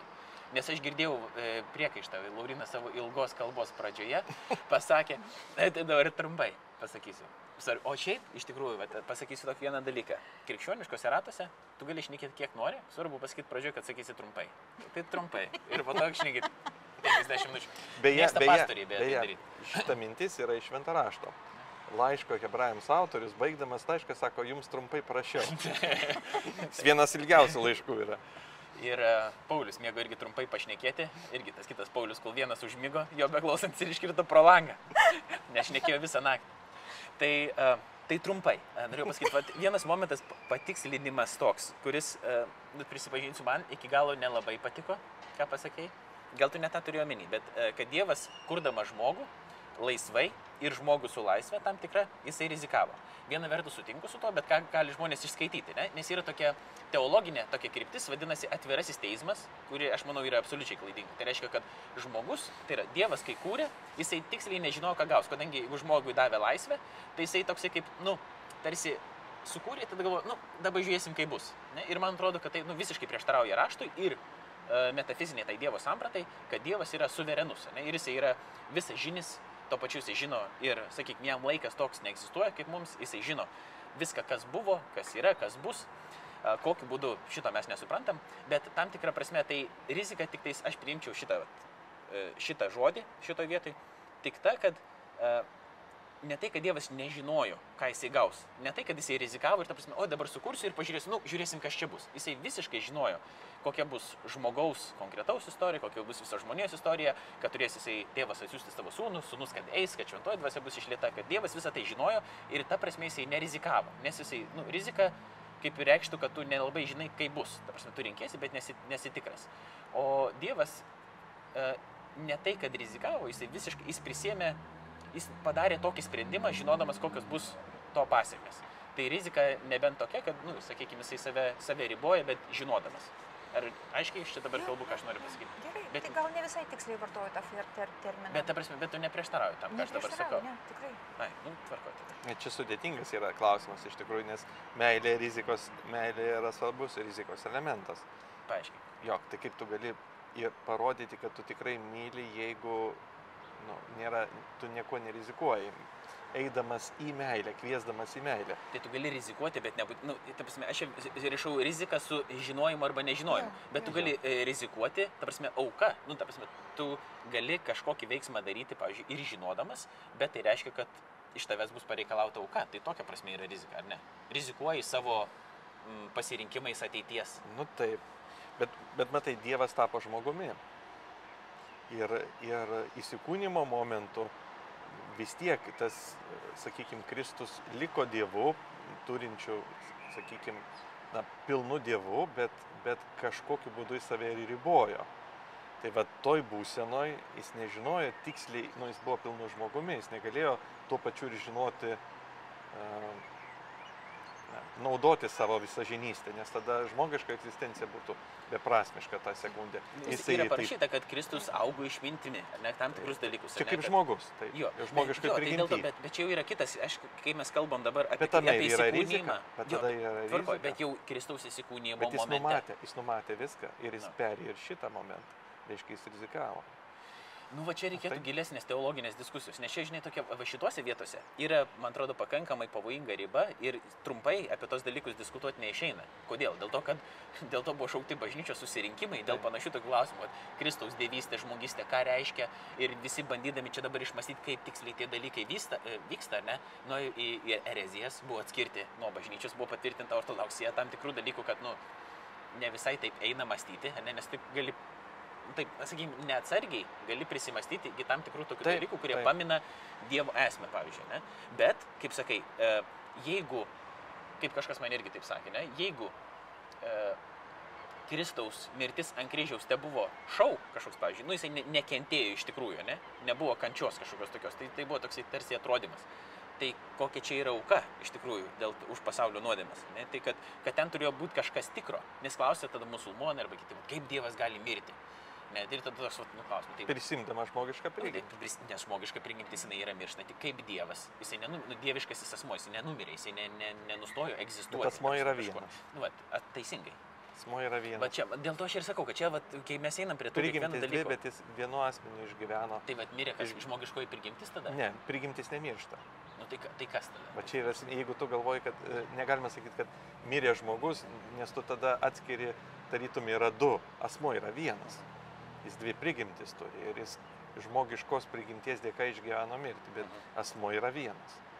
Nu, tai va, Ne tai, du asmenys. tai- Ne tai, kad vienas mirė, kitas Jo, jo, liko. jo, tai, jo, ne, nu, kaip šis, nu, kažkoks tai turėdamas sutrikimą kažkokį, ne, ne. jo.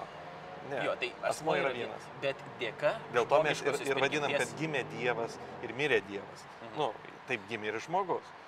Dėl, dėl to Marija vadinama yra Dievo motina. Nu, ta Nes prasme, šiaip Dievas tradicinė ta nes samprata, nu, kaip tokia vien tik turėdamas dieviškai prigimti, nei jisai atsiranda, nei jisai nustoja būti, nei jisai gimsta, nei jisai jis miršta. negali tiesiog- kentėti. Jis tiesiog yra, jis net Jo. negali kentėti. Negali keistis Bet prisėmė žmogiškąją prigimtį, jisai gali atlikti tokį veiksmą ir jisai save apriboja, taip ir, nu, kitaip, e, bent jau lietuviškam vertime yra neapriboja, ne, sako, ištuština pats, nu, tas kenozė, tas Taip, terminas buvo. Keno... Ir čia yra, nu, toks didelis slėpinys, kuris yra daugam suklopimo akmuo, dėl to sako, kryžius yra suklopimo akmuo. Kodėl kryžius yra suklopimo akmuo? Dėl to, kad ten kentėjo ir mirė Dievas. Dabar kokiu būdu? Kaip Dievas gali numirti, kaip Dievas gali save priboti, ar tada mes nesum, nesumenkinam jo uh, esmės, kas jisai toks yra. Nu, bet mes turim, tiesiog mes turim tą tokį paradoksą, ne? Kierkegoras apie tai daug kalbėjo, mes turim tokį paradoksą, um, kai Dievas tapo žmogumi ir tai išskiria krikščionišką visų. kitų. Vienareikšmiškai įskiria. Na, Ir čia nieko bendro neturi su pagoniškom ten religijom, kur avatarai kažkokie tenais atsiranda, ar net ten dieviškiai, kurie ten pasirodo, arba kad kažkas ten, e, nu, nėra iki galo, netgi Dievas, e, tas asmuo, kuris ten dalyvauja ir kuris vaikšto ten tarp žmonių, nu, neva, ar ne? Jis Ten yra- apsirengia, tarytum, kaip kos, kosmonauto kokiu nors ten skafandru, ar ne? Tai čia yra pagoniškas supratimas, kad jis ateina į pasaulį, būna, bet jis netampa vienu mūsų. Nu, tai yra, prasme. jis nėra tikrai žmogus. Jo, jis nėra tikrai žmogus, sampratą, taip. ne, kad mes uh, dar raginame ir kartais sakyti net ne šimta procentų Dievas ir šimta procentų žmogus, arba nepilnai Dievas, pilnai žmogus, bet tikrai Dievas ir Taip, tikrai žmogus, nes kaip tikrai. gali turėti du po šimta procentų, tarsi kaip tai susideda.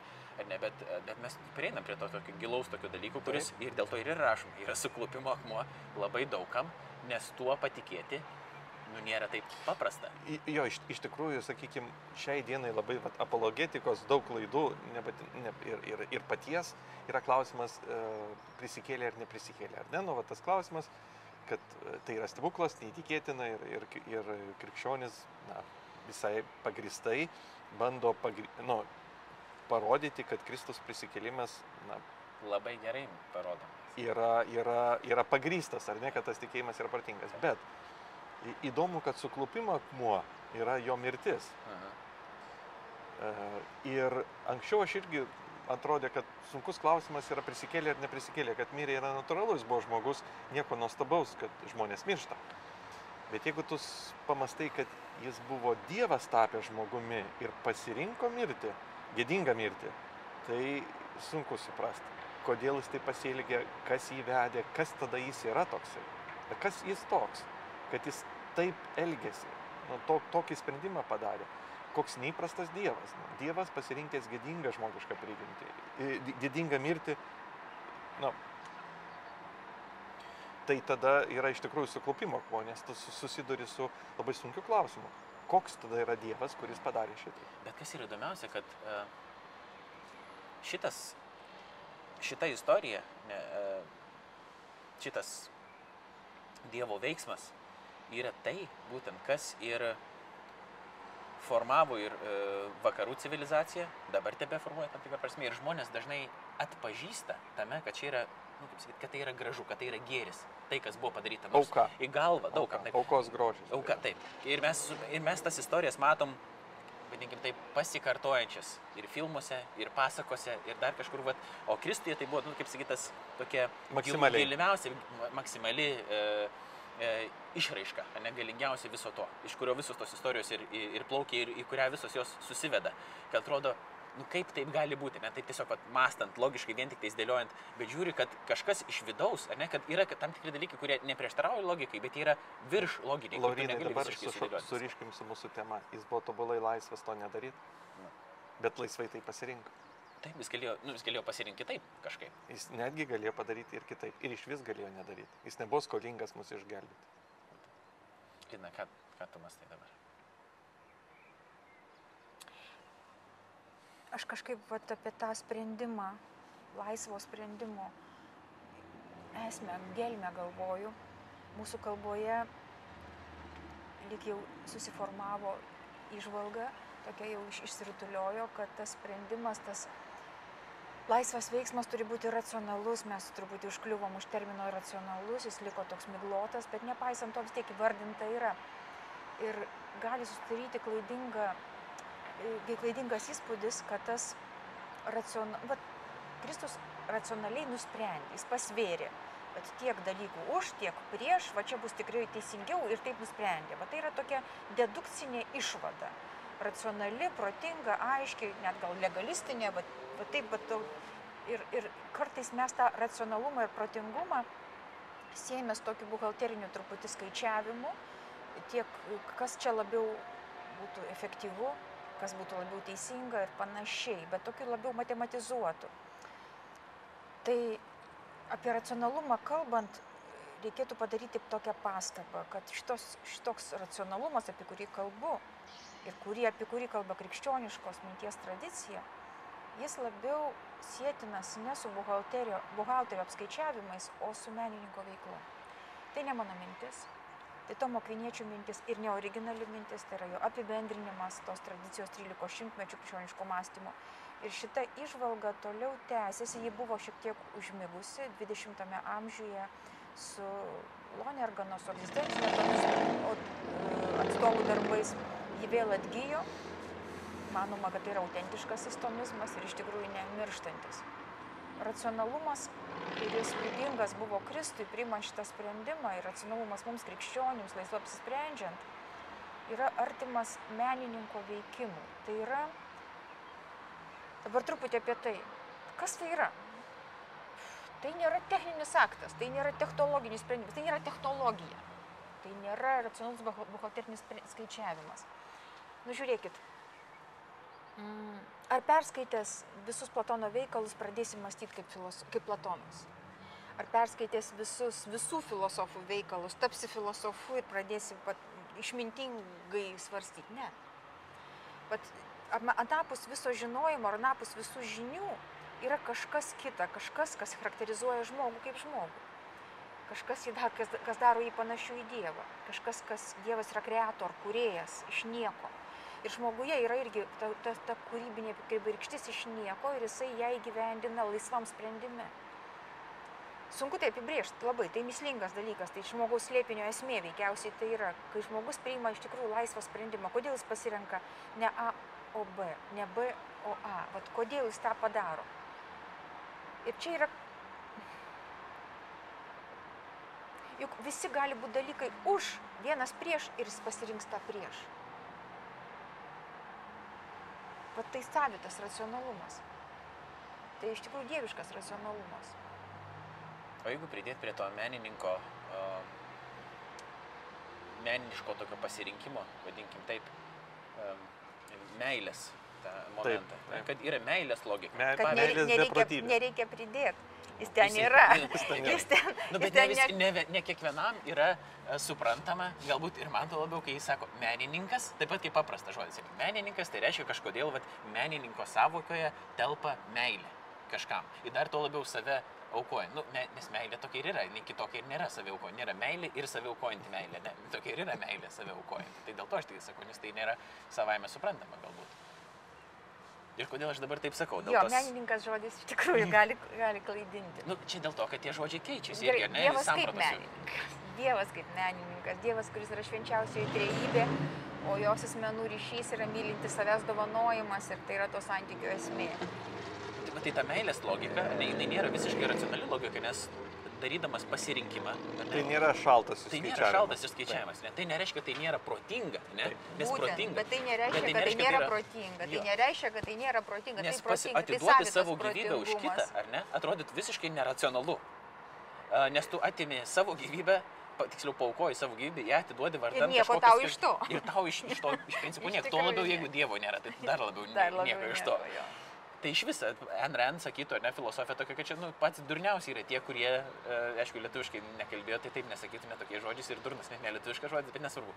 Bet patys kvailiausi yra tie, kurie ir patys neracionaliausi, kurie savo, save aukoja vardan kitų. E, Nu, nes dievų nėra, ne pasaulis, nieko po to nėra. Po mirties tai tu turi gyventi savo geriausią gyvenimą dabar, kad koks tikslas dėl kitų aukotis yra. O mes matom kažką tokio gilaus ir gražaus tame. Ir aukoti save vardan kito, nors būtų, atrodo, visiškai neracionalu, bet tai nėra neprotinga. Tai mes įvardėm tokia ir protinga, ir gera. O kodėl taip yra? Jeigu mes kastume visi tos iki pačios pradžios, yra dėl to, kad Dievas yra, kad Dievas mums yra taip sukūręs ir mes atpažįstame savo prigimtyje tokį dalyką kaip gerą. Teisingai Ir, pasakiau? kad, ir kada mes iš tikrųjų vat, prisikasam, jeigu kalbam apie laisvę, ir būtinai turim kalbėti apie žmogų, kuris turi sąryšį su transcendentinė tikrovė, vadinasi, laisvės savoka reikalauja tam tikrų sąlygų, kad apskritai galėtumėm ją vartoti, ar ne? Ir kada žvelgiame į tą transcendentinę tikrovę, tai ir pagrindinis fundamentalus jos dėmo, kuris iškyla neišvengiamai, būtinai, yra meilė. Ir tai nėra priedas, tai nėra kažkoks tai emocinės, emo- emocinis papildinys, kažkoks atspalvis. Tai yra esmė. Ir iš tikrųjų meilės savoka yra fundamentali. Ir svarstant Dievo kūrybą, ir žmogaus sukūrimą, ir svarstant prisikelimą, ir mirtį, ir laisvės sprendimą taip pat. Tai yra fundamentali savoka. Ir tokia pat neaiški kaip ir laisvės savoka, jeigu ką. Bet tai čia mes pereinam prie laisvo laisvės atsisakymą. Nes tu laisvai atsisakai sako, savo pati laisvės. aukščiausia laisvės forma yra atsisakyti savo laisvės. Bet, bet, kad, bet suprantat, koks yra tokia įdomi giluminė transformacija randamasi, randasi, atsisakydamas įgyji, įgyji daugiau. Ir tai yra Skaičiau vienoje geroje knygoje tokius ir panašius žodžius. turbūt kokias pasakas turi galvoje. Ne, ne. Pačioje geriausiai knygai. Nu, Biblijoje viskas yra ta- tas pats, e, tas pats sakoma, ne, kas, kas nemiršta, tas negimsta, kas, ir kad tu atiduodi ir tada gyji, kas yra, kas yra paskutinis, tas bus pirmas. Nu, visą laiką ta tokia atrodytų visiškai priešinga logika, kuri iš tikrųjų yra žymiai tikresnė, žymiai protingesnė, Tai- jeigu pasaulis yra toks, kaip kalba krikščionybė. Jo, kad ir grįžtant prie, prie visuomeninio gyvenimo. E, Šiai dienai na, laisvė yra labai svarbi, bet jinai pavirsta individualizmu.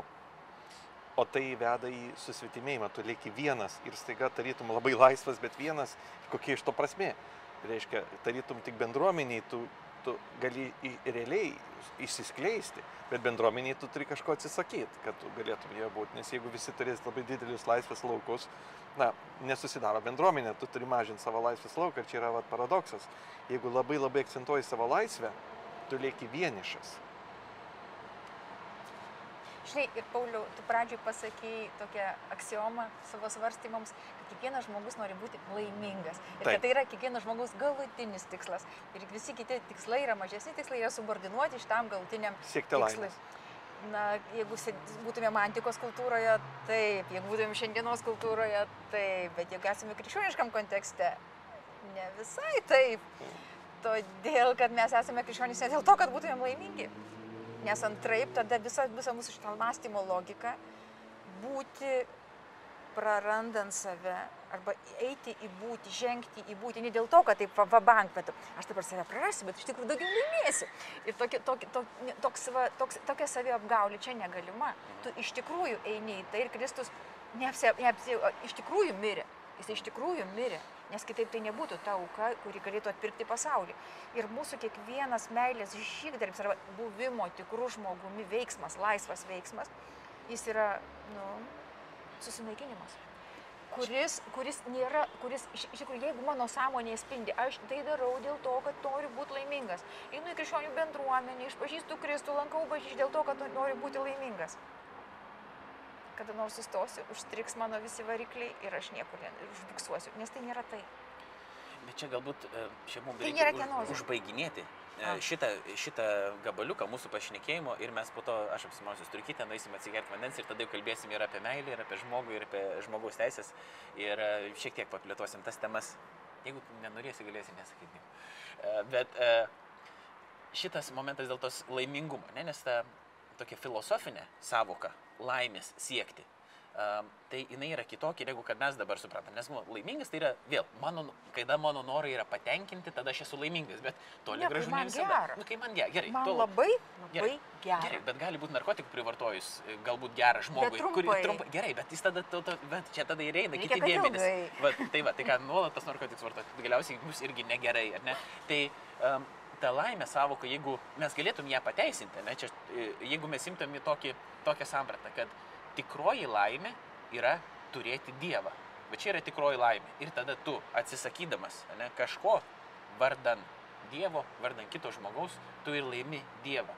Ir tau galbūt tu nesijauti taip smagiai, kaip čipsų ten privalgęs, ta prasme, arba, nu, ten redučiais pavažinės, tavo ne tai, kad negalima, galima, ne tos dalykus daryti, bet ta, jeigu tu savo laimę galutinę suvoki, arba nebūtinai suvoki, bet link to judi, remdamasis ne kažkokiais principais, nors iki galo ir nesuvokdamas, kad čia tave veda į laimę.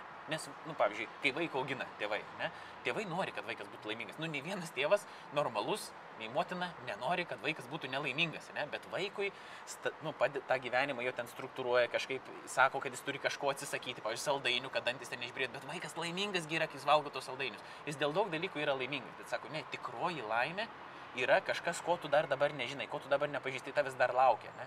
Taip čia panašiai mumis, nu, Dievas veda link savęs, kur mes galvom, kad ne, ne, aš noriu būti laimingas, tu čia žudai man džiaugsmą. Kantas tada taip paklausęs, tokių tekstų paskaitęs, sakė, kad krikščionys yra patys didžiausi egoistai. Nes jie visų dalykų dėl to, kad e, atsisako arba siekia ir daro tik dėl to, kad galiausiai turėtų pilniausią, gerokai pilnesnį negu visi kiti savo paties būties išpildymą. Bet iš tikrųjų aš, aš, aš prieštarauju. Aš atsigiau, Labai fainas yra Žako Mariteno atsakymas Na. Kantui. Aš turėsiu. Žakas Maritenas, jisai skiria subjektyvų galutinį žmogaus tikslą ir objektyvų galutinį žmogaus tikslą. Ir žmogui gali atrodyti, kad jos subjektyvus galutinis e, tikslas yra tas laimingas buvimas su Dievu, bet iš tikrųjų e, objektyviai jisai bus su Dievu ir visa kita. Bet jeigu žmogus į pirmą eilę stato savo patirtis, kurias jis turės ir ką jis už tai gaus, e, jo intencija nėra tyra. Ta prasme, e, Gabrielis Marcelis labai fainai pasako apie tą meilės laikyseną, tikros meilės laikyseną. Jis sako kitam, tu būk, net jeigu aš nebūsiu, tu būk, net jeigu man iš to nieko. Net, prasme, tikro krikščionio, tikrai mylinčio žmogaus laikysena teikti būti kitam, išeiti iš savo egzistencinio centro. Laimės siekis palieka žmogų jo egzistenciniam centre ir sėki nuskurdina. Ir, ir iš tikrųjų, aš dažnai girdžiu per Marijos radiją kalbant, kad kaip mes visi žinome, kiekvienas žmogus nori būti laimingu.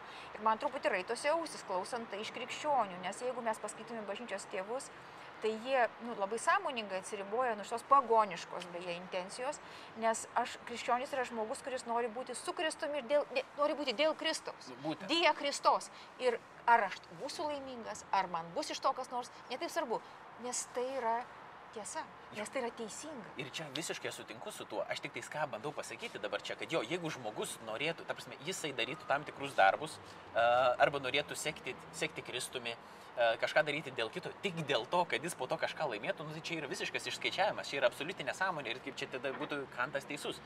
Ką aš bandžiau dabar pasakyti, ir čia labai gerai, kad įvedė į šitą dėmenį, kad netrodyčiau aš čia suklydęs arba pasakęs to, ką nenorėjau pasakyti.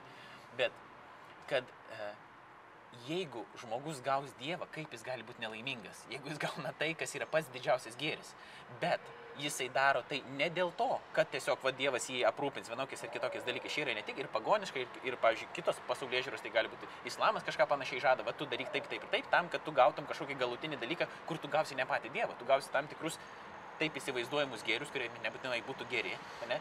um, bet tu juos gausi ir dėl to tu daryk tam tikrus e, dalykus. Arba ten karminės visokios sistemos, tu daryk dėl to, kad tu išsilaisvintum, daryk tai gerą kitam, dėl to, kad tau tai sugrįž geru.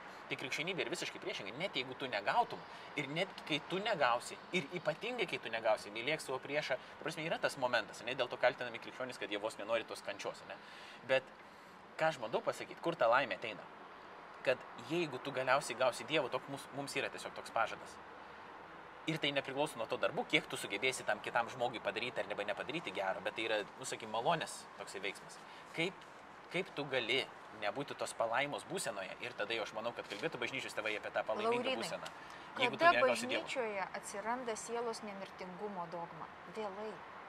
Pirmieji krikščionys, tie kankiniai, kurie mirė, jie nežinojo. Kad jie bus su Kristumi. Ne visi žinojo. Iš tikrųjų, tarp tų filosofų yra pirmųjų, pirmųjų kankinių ir apologetų, yra tų, kurie nežino kūno iš numirusių prisikėlimo arba pomirtinio gyvenimo. Tie- Tiesa nėra savaime suprantama. Turė galvoj šitai. Nu, reik, bet Nes sunku stoici- iš, iš, o kaip iš tekstų Tai- tai- neišskaityti tai yra- tokių tai dalykų, yra- kad turi Tai yra žadamas e, labai, labai gili gyvenime. tradicija. Dalis jų buvę stoikai. Stoikų mokyklose individualios sielos nemirtingumo nėra. Ir ta bendra kultūrinis, bet ir jie miršta dėl Kristaus. Tai- Ir tai yra visai net, nėra netgi, net, bet- to pakanka. Net tavo mirties akimirka, kurioje tu esi su, sumaitinamas liūtams, tau kaip krikščioniui yra dalykas, kuris pakankamai, pakanka. Nieko daugiau nereikia. Ir tai yra teisingo gyvenimo. Gerai, aš sutikčiau su tuo, kad gerai grėsi to, išsik- bet aš dabar esu, matai, užsivedęs. Uh, tai ir aš vedu laidą ir dėl to, to kaip sakyti, tau teks man leisti dar išnekėti. Tai ką aš, aš galėčiau netgi sutikti su tuo, uh, ir aš seku laikrodį irgi viskas gerai, galėčiau aš netgi sutikti su tuo, nesutikti su, aišku, sielų nemirtingumo, ta dognos nepripažinimu arba to prisikėlimu iš numirusių, kuris yra tiesiog šventajame teste. Nu, ta prasme, negalima su to kažkaip, e, nu, sakykim, sutikti su tuo gal mąstymu.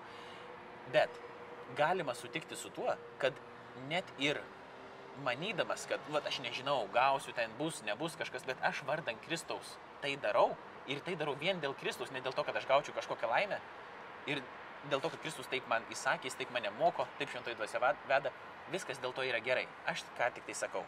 Ne, me- nes mes aš ne apie intenciją kalbu. Aš tik sakau, kad yra toks pažadas. Tiesiog ir jeigu tu jo ir nesupranti, tai vis tiek save atiduoti yra gerai, sekant Kristaus pavyzdžių. Ir tai neturėtų būti dėl to, kad tu kažką gausi šitas dalykas. Aš tik sakau, kad Dievas tiesiog taip nusprendžia, nors ir neprivalo tai daryti. Jisai mums nieko nėra skolingas, jis vis tiek nusprendžia mums save dovanoti. Tai aš sakau, tas kelias mums nors ir, ne, kaip sakyti, atrodytų, kad neduoda, negarantuoja laimės, visai, nes mes net neįsivaizduojam, ką reiškia būti Dievo artumoje. Ne? Bet aš sakau, kad nors jisai ir neprivalo mums visų šitų dalykų duoti, bet jisai save vis tiek žada. O mes jau ne dėl to, kad gautumėm kažką, darome, esam kaip krikščionis pašaukti daryti, nes kaip ir sakė, tada jau linktumėm į egoizmą, kad mes darom viską tik dėl to, kad gautumėm Dievą. Bet mes darome dėl to, kad Dievas taip kviečia. Nu, ar ne taip? Ar kažkaip kitaip? Nu, sakyk dabar tu. Tai iš tikrųjų gal tokio čia konflikto ir, ir nėra, bet aš tai labai pritariu Linai, bet ką, ką, tu sakėjai, į ką tai gali pavirsti laimės sėkimas, laimingumo sėkimas. Ir e, man atrodo, nu pataisysi mane Lina, bet į gyvenimo pabaigą Tomui Akviniečiui sakoma, Dievas paklausė, ko tu norėtum už visą tai, ką tu padarėjai, kokio atlygio tu norėtum. Ir jis atsakė, nieko apart tavęs man nieko daugiau nereikia kaip tik tavęs. Ir labai dažnai krikščionių mystikai e, ar, ar bendrai mokytojai jie akcentavo, kad negali būti dangaus laimė kaip motyvas, dangaus be Dievo kaip tokio, reiškia, man užtenka laimės, tik maišo ten Dievas. Jeigu jo nebūtų, iš vis būtų nuostabu, reiškia. Tai šiuo atveju Dievo asmuo santykis su juo viršė viską, netgi dangaus laimę. Tame nėra konflikto. Pavyzdžiui, šeima. Normalu sakyti, aš noriu šeimininės laimės, bet negaliu jos pastatyti virš santykių, jeigu vyras su žmona. Asmuo yra man svarbesnis net negu mūsų kažkokia gerovė šeimos. Bet tai nereiškia, kad, gero, kad aš nenoriu gerovės. Staiga aš jos, nenoriu. aš jos noriu, bet asmenį vertinu svarbiau už gerovę. Tai žmogaus, žmogaus Dievo asmens santykis, aišku, yra aukščiau net už dangišką laimę. Bet jos ir sutampa, nes dangiška laimė ir yra matyti tą asmenį. Vat, kaip Evangelijai pasakyta, palaiminti tie yra širdžiai, nes jie reikės Dievą ir tai yra aukščiausios laimės išraiška. Tu esi ir laimingas, bet tuo pačiu kodėl? Nes regi asmenį, kurį myli. Bet tavo motyvas nėra tiesiog tapti Jo, tavo, laimingu. tai duoto atveju negali būti e, santokinės meilės motyvas turėti gerovę šeimoje. Kažkas netaip su to žmogum. Bet jeigu aš paklausiu, ar tu nori gerovę šeimoje, aišku, aš noriu. Bet ar dėl to tu esi šeimoje, nu, to turbūt ne. Tai čia aš kly- klysta tie, kurie galvoja, kad nu, prasme, laimingumas yra viskas, kas yra pasakyta. Man niekas nerūpi, aš kažkaip tik noriu dangiškos laimės, o Dievas, nu, vadinkim, jeigu jo reikia, tai gerai. Tam, kad laimė pasiekti. Ne. Nu, tai tada neteisingas yra požiūris. Bet ar aš noriu būti laimingas, nu, lyg ir taip. Bet Dievą aš noriu statyti pirmiau negu savo tą laimę. Čia yra toks, nu, truputį Dievo pastatymas svarbiau. Net jeigu ir nieko to Net nebūtų, vis jeigu tiek ir tai yra tai būtų. gerai. Ta Net- vis tiek taip reikia. Bet, bet, bet čia šio at, reiktų pasidžiaugti, kad ačiū Dievui, kad jį turint mes ir laimę turėsime. Bet aišku, jį turėti yra svarbiau negu laimė. Čia toks, nu, Žiūrėkit, pažiūrėkit į tą va tokią schemą, ar ne? Žmogus ir Dievas. Ir tai yra santykis tarp jų, tam tikras ryšys. Bet kokiam dviejų asmenų santykiai, jeigu tai yra gilus egzistencinis santykis, mes išeiname iš savojo aš ir nueiname į tą, vadinkim, tą atkarpą. Iš to savojo egzistencinio centro į tą atkarpą. Matematiškai pasakoju tarnas, tarnystės, pasiaukojimo, kiekvieno tokio meilės, nuoširdaus meilės akto kitam žmogui metu, kas nutinka su mumis? Mes tarsi prarandame savo tą buvimą savo tokiam egzistenciniam centre, savo, savo tą, tą savo savastį, savo tą bokštą, iš kurio mes viską žvelgiame. Nėra tų akių ir ausų, kurie savo, kaip čia man, kaip čia aš, ar čia man gerai, ką čia aš patiriu, kaip čia aš jaučiuosi. Laimingas aš čia esu ar ne. Nes visais šitais atvejais, visais šitais refleksijos atvejais aš esu tame aš. Aš nesu santykyje, aš nesu atkarpoj, aš esu savy. Noriu pasakyti tai, kad jautimasis, kaip čia man yra, refleksija, kaip čia aš esu visada siejasi su buvime savo paties tam keutė, savo patiem aš, kuris niekur nėra išėjęs.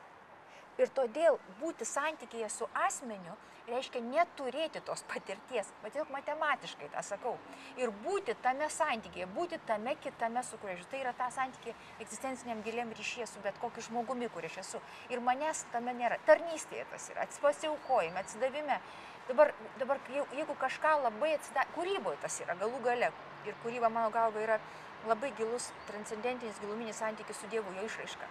Nėra jokio, kaip tu tada jautiesi, tu tada sukiesi galvą pametęs, tau labai tada gerai yra kūrybai, pavyzdžiui, ne, yra kančios daug, yra daug sunkumo, bet tu gyveni, pilnatvės yra labai daug. Jeigu tu tavęs kada metu kažkas paklaus, kaip tada jautiesi, aš jaučiuosi, kaip nėra kada čia man jaustis, aš esu tame, sakykime, tame santykėje, toje atkarpoje. Ir dabar kada mes kalbame santykių su Dievu ir kaip šaltinė pasiekmė gerai jaučiuosi. Jeigu tikrai jaučiuosi, tai sugrįžtu į tą savo keutą ir vėl esu su savimi. Ta prasme, vat, santykio slėpinys ir yra tas, kuris išvaduoja nuo tos savirefleksijos, kaip čia man yra ir sikiu pripildo gyvybės labai daug. Aš visiškai sutinku ir, e, nu, ir Paulius, man atrodo, Taip, sutiko, ne? Nes, ne, tik tai tiek, kad, nes vėl sugrįžtam prie to žodžio jautu, aš nesakau, kaip aš jaučiuosi. Tai nėra, nu, jeigu mes žiūrėtum, kaip mes jaučiamės ir tada ar konkretus veiksmai veda prie mano jautimo laimės savoka, laimingumo savoka pati yra patyrimo savoka, yra patyriminis. Gerai, tai aš tik aiškinu, kodėl. Iš biblinės teologijos vedant, Dievas tiesiog tai žada, o ne tai, kad aš dabar susigalvoju ir žiūrėsiu, kaip tai reikia pasiekti. Tiesiog aš sakau, kad Dievas save žada ir turint Dievą, tu neišvengiamai galiausiai tu patirsi tą palaimę, tą vadinamą palaimingoji vizija, tas pal- palaimingas įsiregėjimas, apie tai Bet- yra kalbama. Bet aš visiškai Vizija sutinku, veda. bet, jo, bet aš visiškai sutinku su tuo vat, momentu, kai tu esi santykyje, ne, santykyje su Dievu ir santykiu, santykyje su, su kitu, tu save tada pameti, nu, kaip sakyti, tu save prarandi ir Taip. tu atrandi, kaip sakyti, tik tais tą kitą, ar ne, ir tu apie save net nemastai, nei galvoji, nei Ir čia būsiu laimingas, nebūsiu. Kitas, tas Tai jo. kitas aš, atsiranda tas kitas aš. Ir, ir, ir yra visai kita istorija. Su juo siejasi visai kita istorija. Tas, kuris pirmas aš, kuris pradėjo ieškoti to santykio, kuris labai gerai žino, kaip jis jaučiasi, kas jam patinka, kas jam nepatinka, tai yra vienas aš. O paskui tame santykėje būdamas atsiranda visai gimsta. Tik aš manau, kad viens kitam neprieštarauja, aš tik apie ką, tik bandau pasakyti, kad visiškai galima sakyti tai, taip ir taip. Ta Taip, tai, aš- taip ir turėtų būti jo. ir yra taip ir kitaip. Ne, pritari, čia panašiai kaip, sakykime, santoka iš įskaičiavimo terminas, ar ne? Nu, tai yra labai liūdnas dalykas. Jeigu motyvas santykio su asmeniu yra todėl, kad būti ten, nežinau, turtingų, ar dar, ar dar kažkokie tai dalykai, labai liūdna, reiškia, tu pastatėjai kažkokius patyriminius, gerus dalykus, savaime nėra blogus, prieš buvimo su asmeniu. Priešingai, tu kaip tik turi paukoti galbūt turtą ir tam, kad mylėtum. Ir mes kaip tik nu, žiūrime su nuostaba į tas santokas, kuomet kažkas turi kažko atsisakyti, kad meilė būtų. Tai santykis su asmeniu ir su Dievu kaip su asmeniu yra aukščiau negu mano laimė.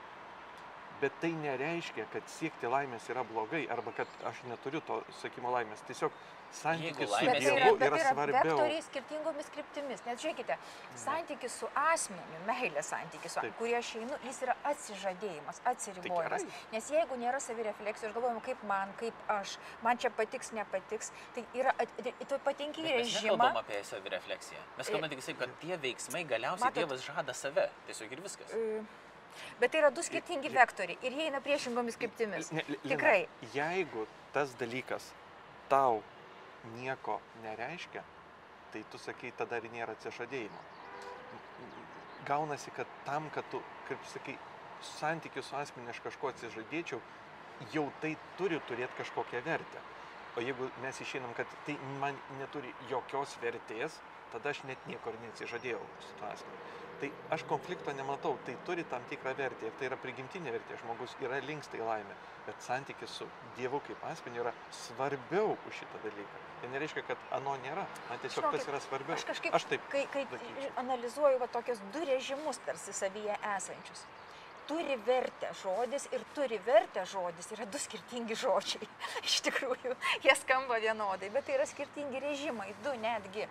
Man, pavyzdžiui, nu, turi vertę gerai, paskai, gerai paskaityti gerą knygą ir, ir pasitraukti nuo visų darbų ir pabūti atskirai, kad niekas tavęs netrukdytų ir ramiai praleisti vakarą. Tai turi vertę man tai tikrai turi vertę.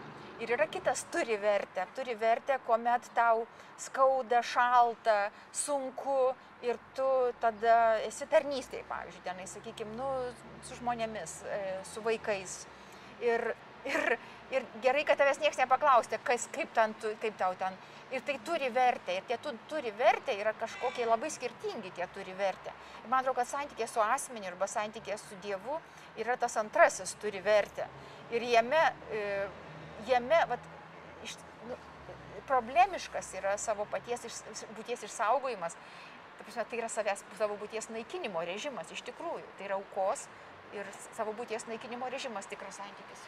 Aš atrodo, kad mes nesusišnekam iki galo, nes e, aš galiu irgi tam pritarti, tik kur aš bandau dabar privesti, nes aš ne- neturiu čia tos savirefleksijos lygmens, turiu to neįvedu, kad aš dabar svarstau, kaip čia man reikėtų susidėlioti ir dėl to tie režimai tada nebesutampa, nes arba aš aukojuosi dėl kito, arba aš siekiu būti laimingas.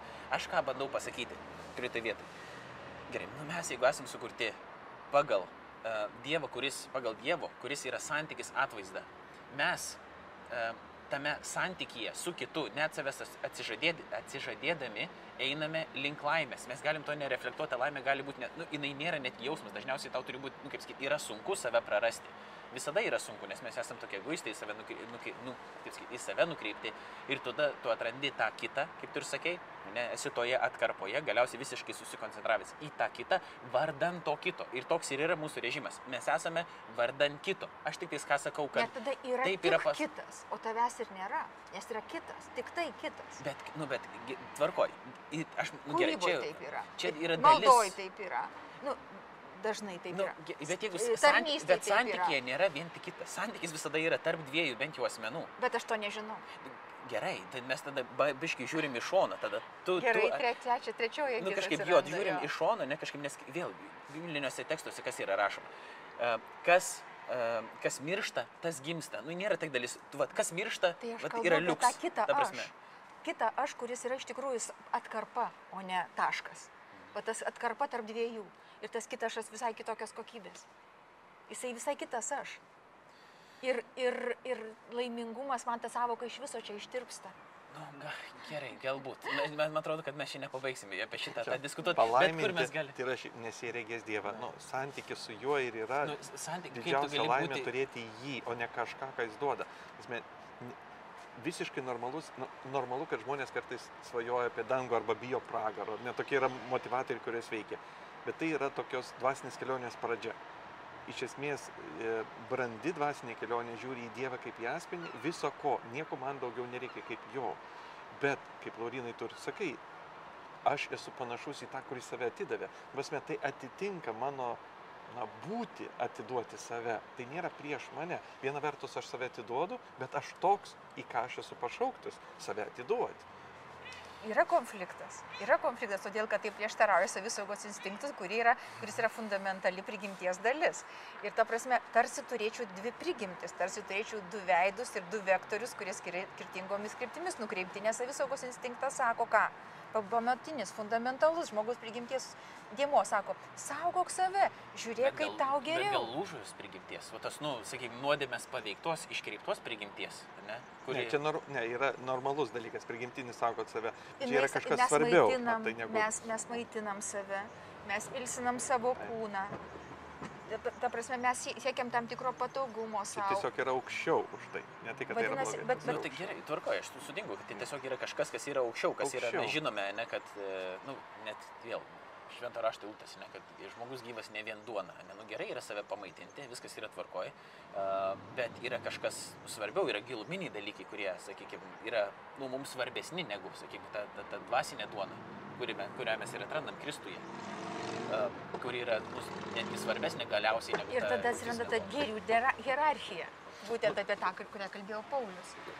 Bet nu, čia vis tiek yra paradoksas, kaip Kristus sako, nu, eilutėje sako, tas, kas išgelbė save, pražudo, tas, kas pražudo, išgelbėja. Nu, tas, kas laimi visą pasaulį, praranda save, savo sielą, kas, kas priešingai praranda save, kaip ir išgelbėja. Tai šiuo atveju, nu, kaip ir normalu norėti būti išgelbėtam rezultate, bet kelias yra bet, į praradimą. Bet, bet, bet tai nėra tavo motivacija galutinė, ta prasme, tu nėra vardan to čia, aš, noriu pasakyti, kad tu ne dėl to darai, tu darai dėl Dievo ir dėl kito, bet ką dabar daryti, jeigu Dievas yra toks geras ir tiesiog duoda kažkokius dalykus, bet tu ne dėl to darai, kaip sakyti, nu, es, mūsų, nes aš galvoju, kodėl E, gal tu, reminti savo patirtim, galbūt tu bijai, e, kad vat, jeigu mes pradėsim dalykus daryti tik tais tuos, kurie mus daro laimingais, tai bus tragedija. Nes mes, susigalvosim, kas vat, tarnystė nebelaiminga mane daro, santoka nelaiminga mane daro ir tada, ir tada gaunasi va, toks pasaulis, kai mes gyvename. Jo, tai aš visiškai irgi prieštarauju tam ir nu, netgi purto nuo to. Tai aš ne apie tą kalbu. Aš tik sakau, kad vat, kažkodėl vat, Dievas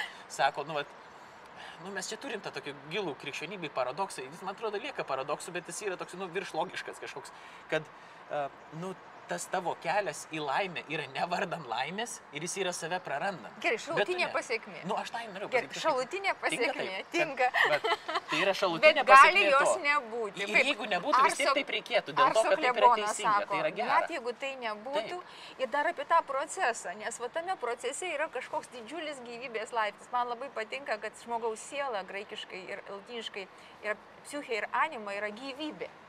Tai va gyvybė reikalauja gyvybės, ne? Ne laimės, o gyvybės, nes, jinai, nes sielos esmė yra gyvybė. Ir, pavyzdžiui, kūryba, santykis su kitu, ten gali būti daug įtampos, labai daug konfliktų, bet tai gyva. Ir žmonės kartais sako, aš tarsi negyvas, tarsi negyvenu, tarsi gyvenimas plaukia pro mane. Tai jis nesako, aš nelaimingas, tarsi gyvenimas plaukia pro mane. Nes jo siela, kuri yra gyvybė, jam reikia gyvybės. Ir va tas laimės terminas gali klaidinti, nes praktiškai to, ko mes trokštame, mes trokštam gyvybės, mhm. nes mes esam iš esmės gyvybė. Gerai. Turim užbaigti laidą. Na, turėjom prieš pusvalandį jau, bet...